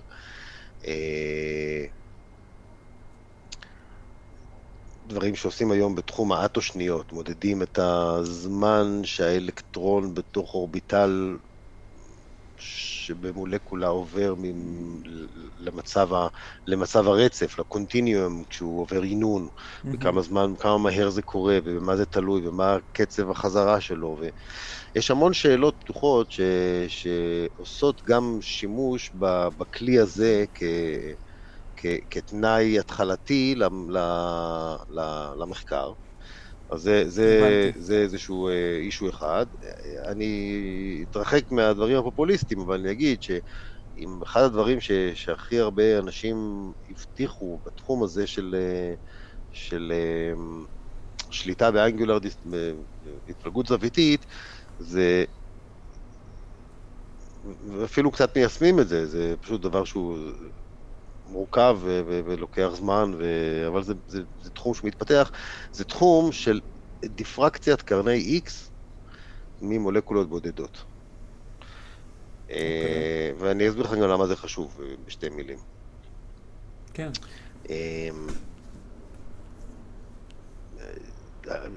שוב, אני לא, אני לא טוען שאני ספציפית מעורב ב, באפקטים כאלה, אבל כלים שאנחנו מפתחים והבנה שאנחנו מפתחים יכולה גם לשמש לאישור של מולקולות יותר מורכבות מאשר מולקולת חנקן שתיארנו אותה מקודם, או איזה מולקולה קטנה עם דיפול. אה, עכשיו, למה לעשות את זה? התשובה היא כזאת, אה, כשאנחנו רוצים ללמוד איך נראה מבנה של חלבון, אנחנו יודעים די הרבה על אה, חלבונים בגוף האדם ובאובייקטים ביולוגיים אחרים. אה, מה שאנחנו בדרך כלל עושים זה לקחת את המולקולות האלה, לגבש אותן לכדי גביש. בגביש הזוויות שלהם הן אותה זווית בדיוק ביחס לאיזשהו ציר של מעבדה, כי, כי זה גביש, כי הוא מבנה מסודר. ואז משתמשים בקרינת X-ray כדי אמ, כדי למדוד אה, פיזור אה, מה, מהגבישים האלה, ומתוך ניתוח של אותו spectra אפשר למדוד את המרחקים בין האטומים בצורה נורא נורא נורא מדויקת, ומזה אפשר בכל מיני אלגוריתמים לשחזר את המבנה של תא היחידה ושל החלבון עצמו. Mm-hmm. מה הבעיה? הבעיה היא שרוב החלבונים לא ניתנים לגיבוש. אה, מכל מיני סיבות ביולוגיות, אה, אחת מהן, אתה רוצה, זה שתחשוב על חלבונים שנמצאים על אה, מעטפת התא, התא הביולוגי. Mm-hmm. הם חומרים שחיים, בש... זה מולקולות שקיימות בשתי סביבות שונות, סביבה שהיא יותר כן. הידרופובית וסביבה שהיא יותר הידרופילית. זאת אומרת, יש להם צד הידרופילי וצד הידרופובי, לגבש את הדברים האלה mm-hmm. כמעט בלתי אפשרי. כן. ואנשים הציעו אה, לעשות בעצם אה, דיפרקציה של קרני X ממולקולות כאלה, אבל לא גביש, כי אנחנו לא יכולים לגבש אותם. נכון. אה, אלא בפאזה גזית. אז הבנת למה, הבנת מה, את אחת המוטיבציות היותר גדולות, לפחות אלה ש...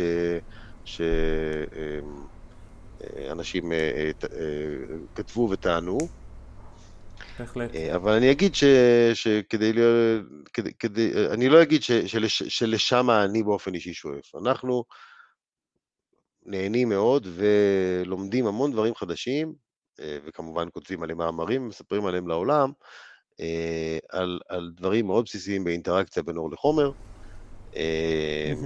ו, וחלק מהדברים שאנחנו עושים, אני חושב עליהם כעל...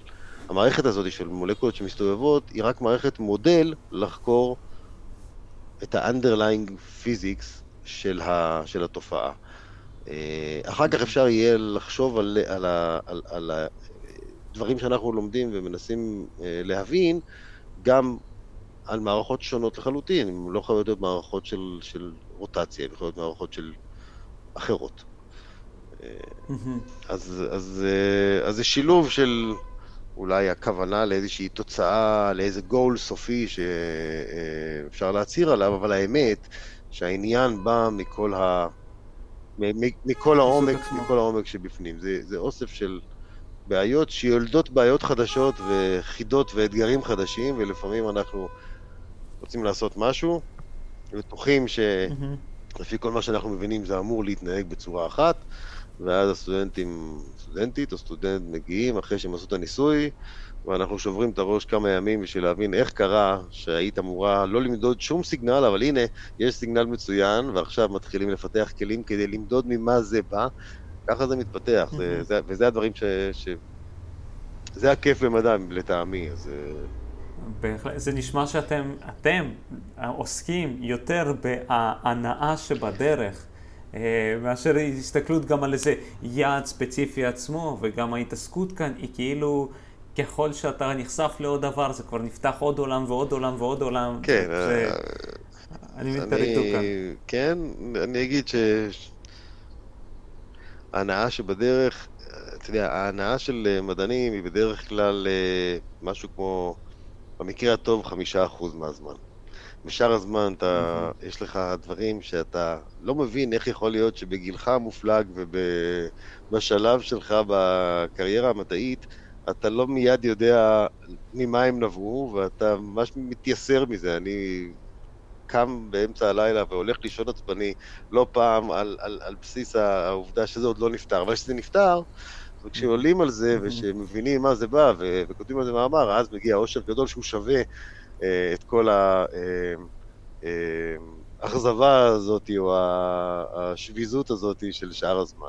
לא יודע אם זה דרך בריאה לחיות, אבל זה מה שאנחנו עושים, אז זה ככה. תראה, זה, זה, בסוף, זה בסוף מביא את הדברים לתוצאות, אז... זה... כן, ויש דברים שלוקח להם גם, גם חמש או שש שנים לבוא לתוצאות. בזמן הזה אתה מתייסר, איך יכול להיות שאתה לא מצליח? אתה מנסה את זה ואת זה, וחושב מחוץ לקופסה,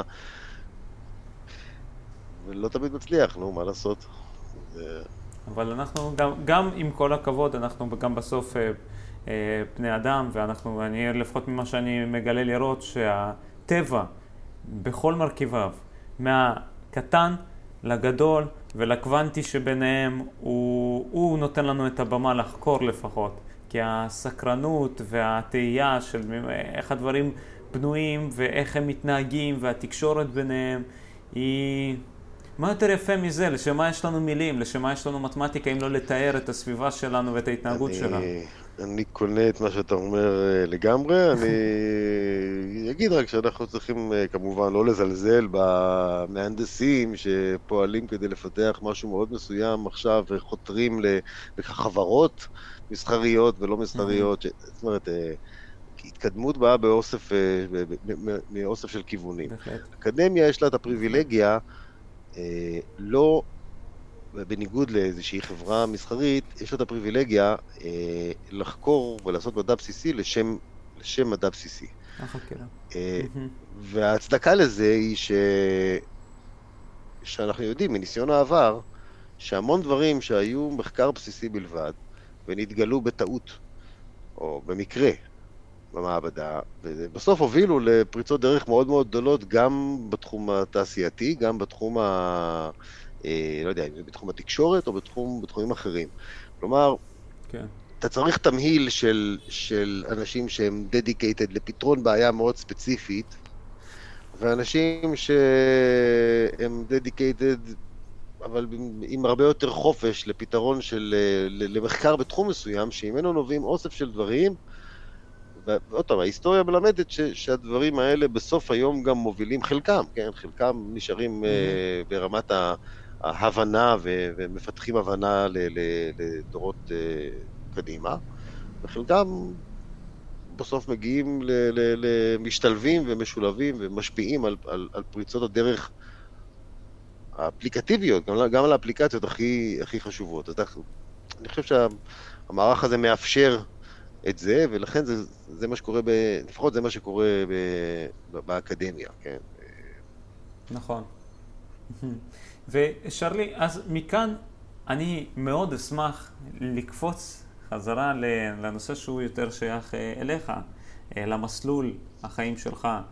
אה, עברת מסלול אקדמי לא קצר, ובדרך אני מתאר לעצמי שיהיו מספר דמויות שהשפיעו בין אם זה על החיים ובין אם זה המסלול האקדמי עצמו ועל ה... נקרא להם המורים שהיו אצלך בדרך. וגם היום אתה מייצג דמות שהייתי, אתה מורה ל, לתלמידים אחרים, והייתי שמח לשמוע ממך ולהעביר את זה הלאה גם. מה, מי, מי היו המורים אצלך, שככה אתה זוכר אותם, הערכים שלהם, ושאתה רואה אותם מתממשים אצלך היום בחיים? אה, תראה,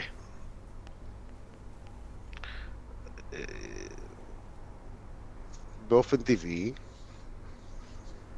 כל מי שנמצא היום באקדמיה עשה אה, לפני כן אה, בדרך כלל פוסט-דוקטורט. את הפוסט-דוקטורט שלי עשיתי אה, במעבדתו של קית' נלסון הברית, ב-MIT, ובשיתוף פעולה עם רוברט פילד, גם כן מ-MIT. ושני האנשים האלה באופן טבעי השפיעו עליי, בטח בתקופתי בפוסט-דוק. צורת החשיבה שלהם וצורת ההתנהלות שלהם כלפי מדע וכן הלאה. אנשים שעשו אימפקט לא פחות ואף יותר גדול עליי, זה, אה, זה אנשים שעבדתי איתם בתקופת הדוקטורט, וזה פרופסור יחיעם פריאור במכון ויצמן, ופרופסור איליה אברבוך, גם כן ממכון ויצמן. שבעצם יחד איתם או אצלם, תחת הנחייתם, עשיתי את המאסטר והדוקטורט. אז, אז השאלה היא קצת, זאת אומרת, כמובן שהם, שהם, שההשפעה שלהם, בוודאי שיש, שהייתה להם השפעה גדולה, ואולי אפילו, אפילו גם קצת היום, אה, אה, על, עליי, סוג של, זה, זה סוג של אה, אבות מדעיים, כאילו, אין פה... לא יכול, אני יכול להגיד שאם אני איזשהו מדען אה, מלפני 20 שנה, או 30 שנה, או 50 שנה, שהשפיע על תחום המחקר שאני עוסק בו, אבל האנשים שאיתם עבדתי, דיברתי, דנתי על ענייני מדע, אמרתי שמשהו לא עובד, והם אמרו לי למה זה כן יעבוד, ולהפך, אה, ביחד ניסינו לחשוב על פתרון, זה, זה האנשים האלה, זה האנשים שאיתם עבדתי, אז אלה המשפיעים, אין פה, אין פה שאלה, זה, וזה יהיה נכון וסלקטיבי כן. לכל חבר, חבר סגל שתשאל אותו. אה, זה לא כן. שאני יכול לשים עכשיו את החבר'ה האלה ולהגיד, מי שהשפיע עליי באמת זה לא הם, אלא מישהו שהיה בהמשך המסדרון. אה, זה גם לא היה מצב, כן. אז, אה, אז בוודאי ש, שמי ש... מי ש... המנחים המדעיים שלך הם אנשים שהשפיעו עליך מדעית מאוד. אפשר לשאול, על בית ספר, על, אה, על אה, תואר ראשון, ה... שם, שם היו הרבה מאוד מרצים והרבה מאוד תחומים, ו... ואת מי אני זוכר בתור איזשהו אה, אה, אורים ותומים כזה אה, במיוחד, כן? אז אה, טוב, שם באמת הייתה אה, מי שלימדה אותה, אותי קוונטים, כימיה, כימיה קוונטית בתואר ראשון, הייתה אה, פרופסור בילה שגב, אה, זכרה לברכה, היא נפטרה לפני אה, די הרבה שנים כבר, אולי שנתיים או שלוש אחרי שסיימתי את התואר הראשון, בגיל מאוד צעיר, ממחלה קשה. והאמת היא שאני התכוונתי בכלל לפני ש... מה, ש... מה שחשבתי לעשות זה להמשיך ולהיות סטודנט שלה. היא הייתה, הייתה מרצה מדהימה, היא פשוט... הייתה לה את היכולת לקחת משהו שהוא באמת נורא מורכב ונורא אבסטרקטי כמו קוונטים, ולנסות ולקרב אותו לשומע שבדרך כלל לא חי בעולם קוונטי אה, כמו כולנו. גם היום אנחנו, אתה יודע, אנחנו מדברים בכל מיני כלים שהם לא קוונטים, אנחנו מדברים על דברים קוונטיים קצת, אבל אנחנו עושים את כל פעולות נכון. היום-יום שלנו בצורה קלאסית לחלוטין. אתה לא חושב על אה, פונקציות גל כשאתה מדליק את האור במטבח, לא אתה וגם לא אני, כן. כן. אה, אבל אז, אז, אז היא איכשהו הצליחה לעשות את זה כל כך, כל כך מרתק ומעניין, שכמובן לקחתי מיד עוד קורס אצלה, שני קורסים, ו, ו, וגם חשבתי אפילו, הכוונה שלי הייתה לעשות אה, את התואר השני במעבדה שלה, כל מיני סיבות אחר כך דווקא הלכתי to explore קצת דברים אחרים, אבל אז היא הייתה מאוד משפיעה בתואר, בתואר ראשון. אה, כמובן היו גם אחרים, אני חושב שמרצה טוב זה מישהו שהוא צריך להיות גם לא פחות בן אדם מאשר, מאשר מומחה, כי, כי, כי, mm-hmm. כי צריך את השיחה הזאת עם הסטודנטים, צריך את, ה, את, ה, את ההתעמקות באיזושהי שאלה, שיכולה להיות לפעמים שאלה, נקרא לה שאלה טיפשית, או שאלה של לא שאלה טיפשית, אבל שאלה שהיא אה, אה, לא ברמת הקורס, אבל שמדברים על זה פתאום באמצע שיעור ומשקיעים את החמש דקות האלה, אה, וזה חמש דקות שהן חשובות, כי זה אולי עוצר אותי מלהמשיך הלאה לחומר, להמשך החומר, לפעמים אני מוצא ש... שעולות מש... משאלה כזאת שמישהו העז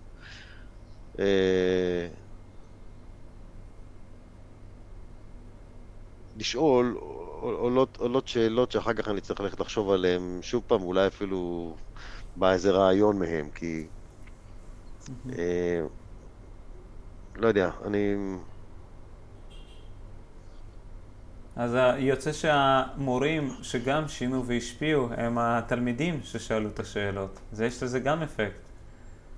אה, כן, אני חושב שזה... אני חושב שיש, שסטודנטים חדשים שמגיעים למעבדת מחקר שעושה, עוסקת בתחום מסוים כבר הרבה שנים, עצם זה שהם באים בלי הבייס הזה שאנחנו כבר, אה, כבר אה, סובלים ממנו לאורך שנים של מחקר בתחום מסוים, הפרש משב, כן, יש לך איזה סירנה קוונטית שם. אה, העובדה שמגיעים אנשים עם, עם רצון להשתלב במשהו שהם עוד לא יודעים בו הרבה, אבל שהם עוד לא שבויים בקונספציה, נותנת, נותנת ערך מוסף אדיר. פתאום יש, יש לפעמים רעיונות שלא היית חושב עליהם בכלל, כי היית פוסל, ב-back of the mind היית פוסל אותם מלכתחילה, אבל האמת היא, הם לא רעיון רע, הם אפילו רעיון מצוין. אמ, זאת אומרת, השילוב הזה של, מנח, של הנחיה וסטודנטים, היא, הוא, הוא מייצר ערך מוסף מאוד גדול, לא רק לסטודנטים שבסוף מקבלים תואר שני או דוקטורט, אה, אלא גם לה, להתקדמות באמת של התחום. זה, זה, זה מערבב את הגנים קצת, את הגנים המחשבתיים, זה, זה מכניס, כן. מכניס רעיונות חדשים, לפעמים הם רעיונות שמתבט... שהם באמת נאיביים מאוד והם לא, לא ישימים ולא נותנים, כמו לפעמים רעיונות מצוינים. וכל אחד מייצר גם כאלה וגם כאלה, וצריך לבחור את הכיוון על מה להילחם בצורה, בצורה נכונה, בשביל זה המנחים נמצאים בסביבה. כן, זה, זה ממש מסלול החיים, שההתחדשות וה... אה, אני מסתכל על זה על כמו לידה מחדש, שכביכול, שדור חדש שנולד, הוא כן לוקח את הניסיון וכן לומד כמה שהוא יכול מהמבוגרים יותר ומי שאתה אומר, ממי שכבר עבר את השנים פה, אבל הוא בעיניים תמימות יותר, תמיד, תמיד רואים משהו חדש, משהו שעם השנים, כמו שאתה אומר, הכל מאחורה הוא כבר נוטה לא להתייחס אליו יותר מדי. אז החידוש הזה הוא... זה, אבל זה, זה דרך החיים, זה הגלגל, זה ההתחדשות התמידית לדעתי ש, שגם תוביל אותנו תמיד. אה, ואם יש לך, אם הייתי יכול לשאול אותך, שרלי, אה, אולי משהו ככה, אם היית, אתה היית יכול אפילו להגיד לעצמך כשהיית סטודנט, איזה ככה מילה כדי להסתכל קדימה, אה, משפט, אמרה, איזה הנחיה לסטודנטים של היום, על הדרך שלהם קדימה, מה היית יכול להגיד? לסטודנטים באופן כללי, הייתי אומר אפילו, אתה יודע, הדרך לדעתי הנוחה ביותר להסתכל על זה, מה היית אומר לעצמך כשאתה רואה את עצמך נגיד סטודנט בתחילת דרכו? בתחילת דרכו בתואר ראשון, בתחילת דרכו בתואר שני. ב... כן, תואר, תואר, תואר, תואר ראשון, אתה יודע, סקרן, מחפש את הדרך, את המסלול. אני, אני חושב שבגדול אנשים צריכים ללמוד, קודם כל לבחור את התואר הראשון שלהם לפי מה שמעניין אותם, לפי מה שיעניין אותם, מה שהם צופים שיעניין אותם בעתיד. אמ, אני לא, אני יכול להגיד לך משהו שאנחנו מתוודעים אליו בתקופה, בשנים האחרונות. אה, שאנשים, אנשים, העולם הפך להיות הרבה יותר מטריאליסטי. אנשים חושבים על אה, אם אני אלמד תואר ראשון במשהו, מה אני, כמה אני ארוויח אחר כך, אחרי תואר ראשון, כמה אני ארוויח אחרי תואר שני, אה, כמה אני ארוויח, תמיד זה כמה אני ארוויח, לפעמים אפילו ההורים באים עם הילדים ושואלים את השאלות האלה. אה, ואני, אני, אני לא חושב שזה דרך טובה אה, לבחור מה ללמוד, לפי מה תרוויח אחר כך. אנשים צריכים ללמוד ולעסוק במה ש... יהיה הדבר שהם חושבים שיהיה להם הכי מעניין להמשיך לעשות לאורך החיים. גם לאיכות החיים אה, יש משמעות, לא רק לכמה כסף מרוויחים בסוף. אה, ואנחנו רואים אגב, בתעשיית אה, ההייטק ובתעשיית השנים האחרונות, שמעתי על לא מעט אנשים שאחרי שהם היו למשל מתכנתים הרבה שנים, הם אה, הופכים להיות פתאום אה, אה, אופים, פותחים מאפייה, הולכים לחפש את עצמם במשהו אחר, רק שהוא לא אה, התחום שהם עסקו בו. אני לא מכיר mm-hmm. כזה דבר באקדמיה.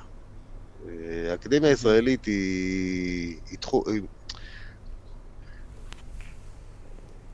אני לא, אני לא עונה על השאלה שלך, אבל אני אגיד לך איזה קוריוז אחד קטן, אני, שאולי הוא... אני חושב שהוא כן חשוב לי להגיד אותו, ו, ואני אני אשמח, ואני שמח שזה מוקלט אפילו. כן.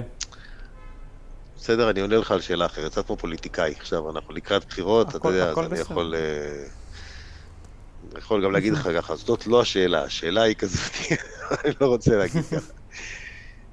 תראה, אה, אה, עכשיו, בחדר שאני יושב בו,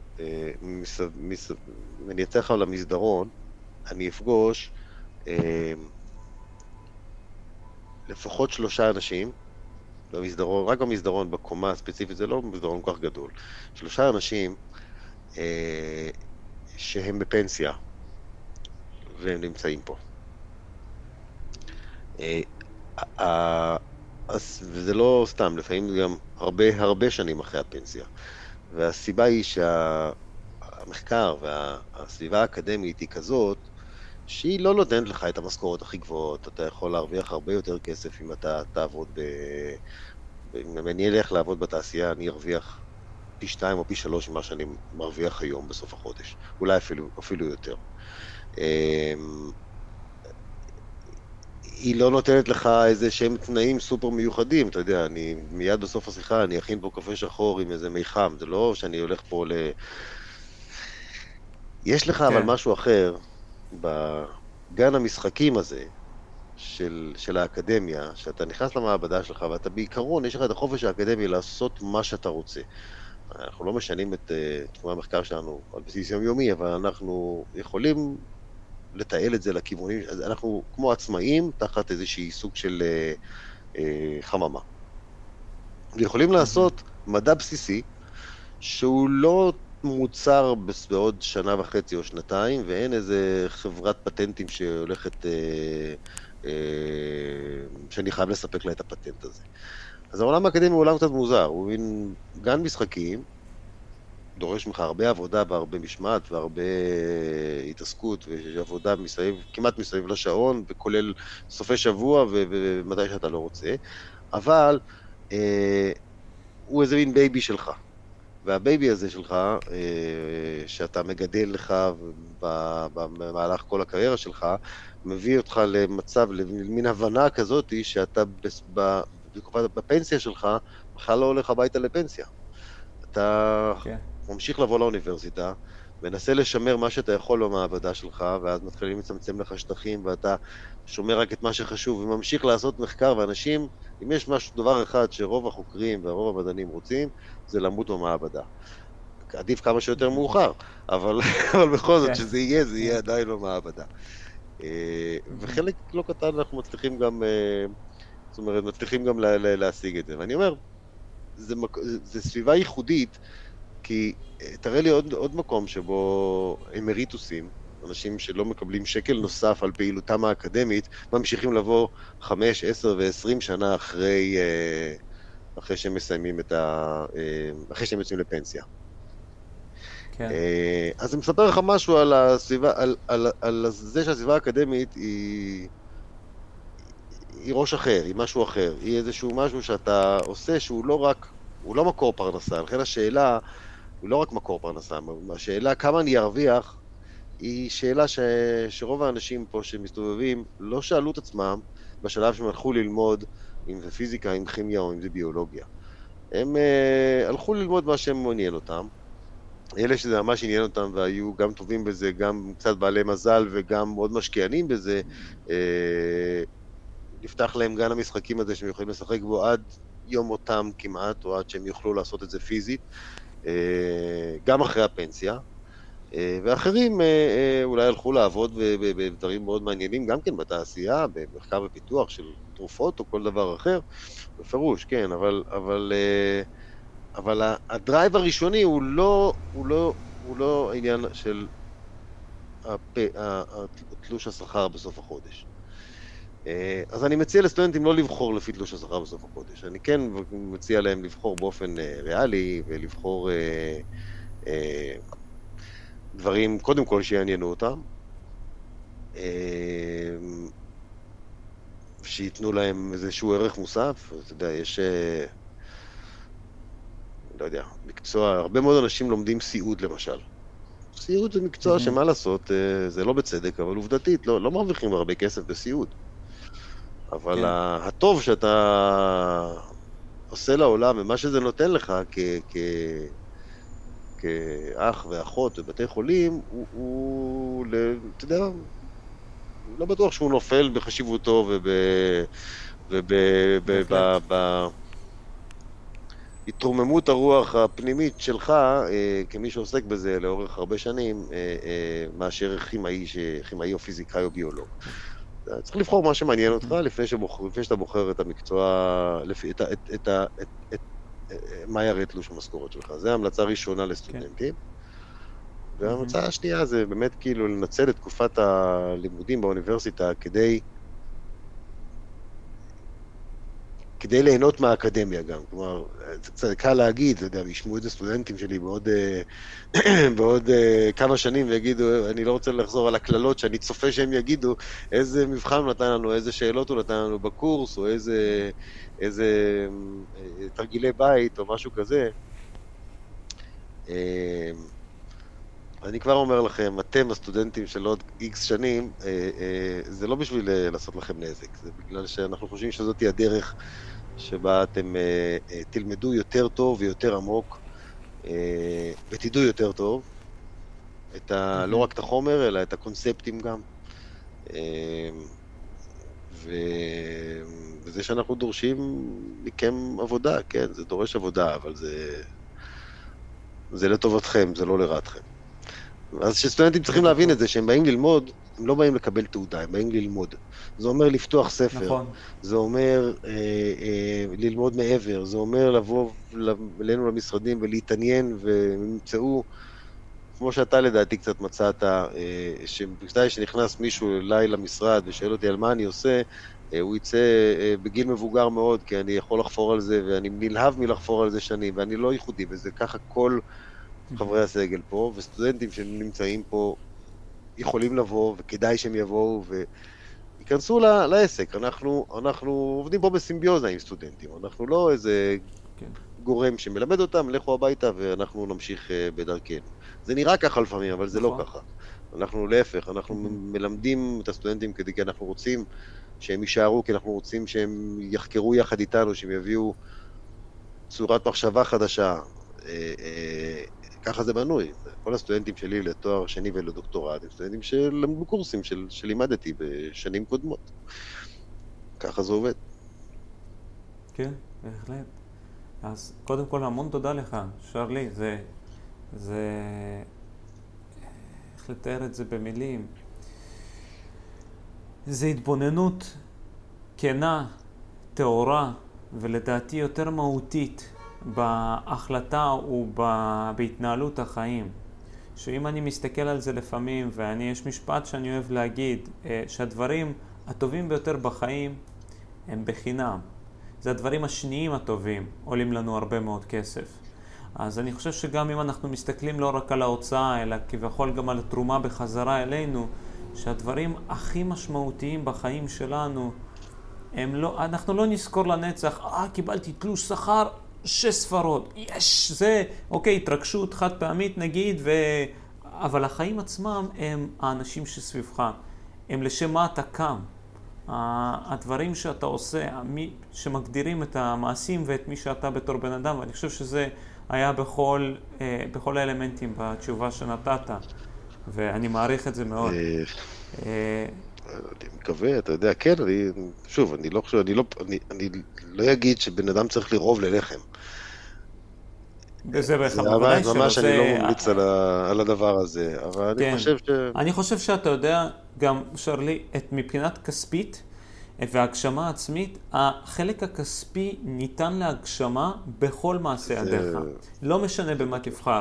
אז זה, זה, זה, זה, זה בסוף התוצר שלך, כי הביטוי העצמי וההגשמה העצמית של בן אדם היא תמיד בהתבוננות מסוימת של לתת עזרה ומענה גם לסביבה. היא תמיד ככה, אחרת זה עניין של שירות, זה לתת מעצמך לאחר. וכשאתה תמצא את מקומך לתת, לבטא את עצמך בצורה כזאת או אחרת יותר, גם אם זה, אתה יודע, אם זה סיעוד, וגם אם זה מבחינה בידור, אפילו בידור, שזה כביכול תרומה אחרת, וגם אם זה מדע, אה, ההתעמקות הפנימית ובמשהו שהוא באמת מדבר אותנטי לאדם עצמו, בסוף אה, ימצא את הקבוצה בין אם היא איזוטרית לבין אם היא קבוצה רחבה יותר של אנשים שיזדהו עם זה, ו... וזה מתרחב ביחד.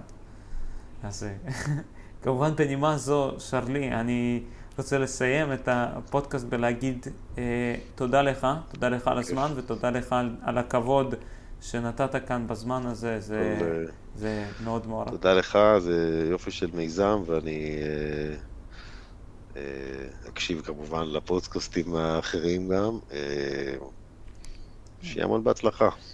ו... ותבואו ללמוד באוניברסיטה, זה... זה גם מעניין, זה גם כדאי. וגם מרוויחים מלא כסף, כמו שאמרנו, לא סתם לצחוק.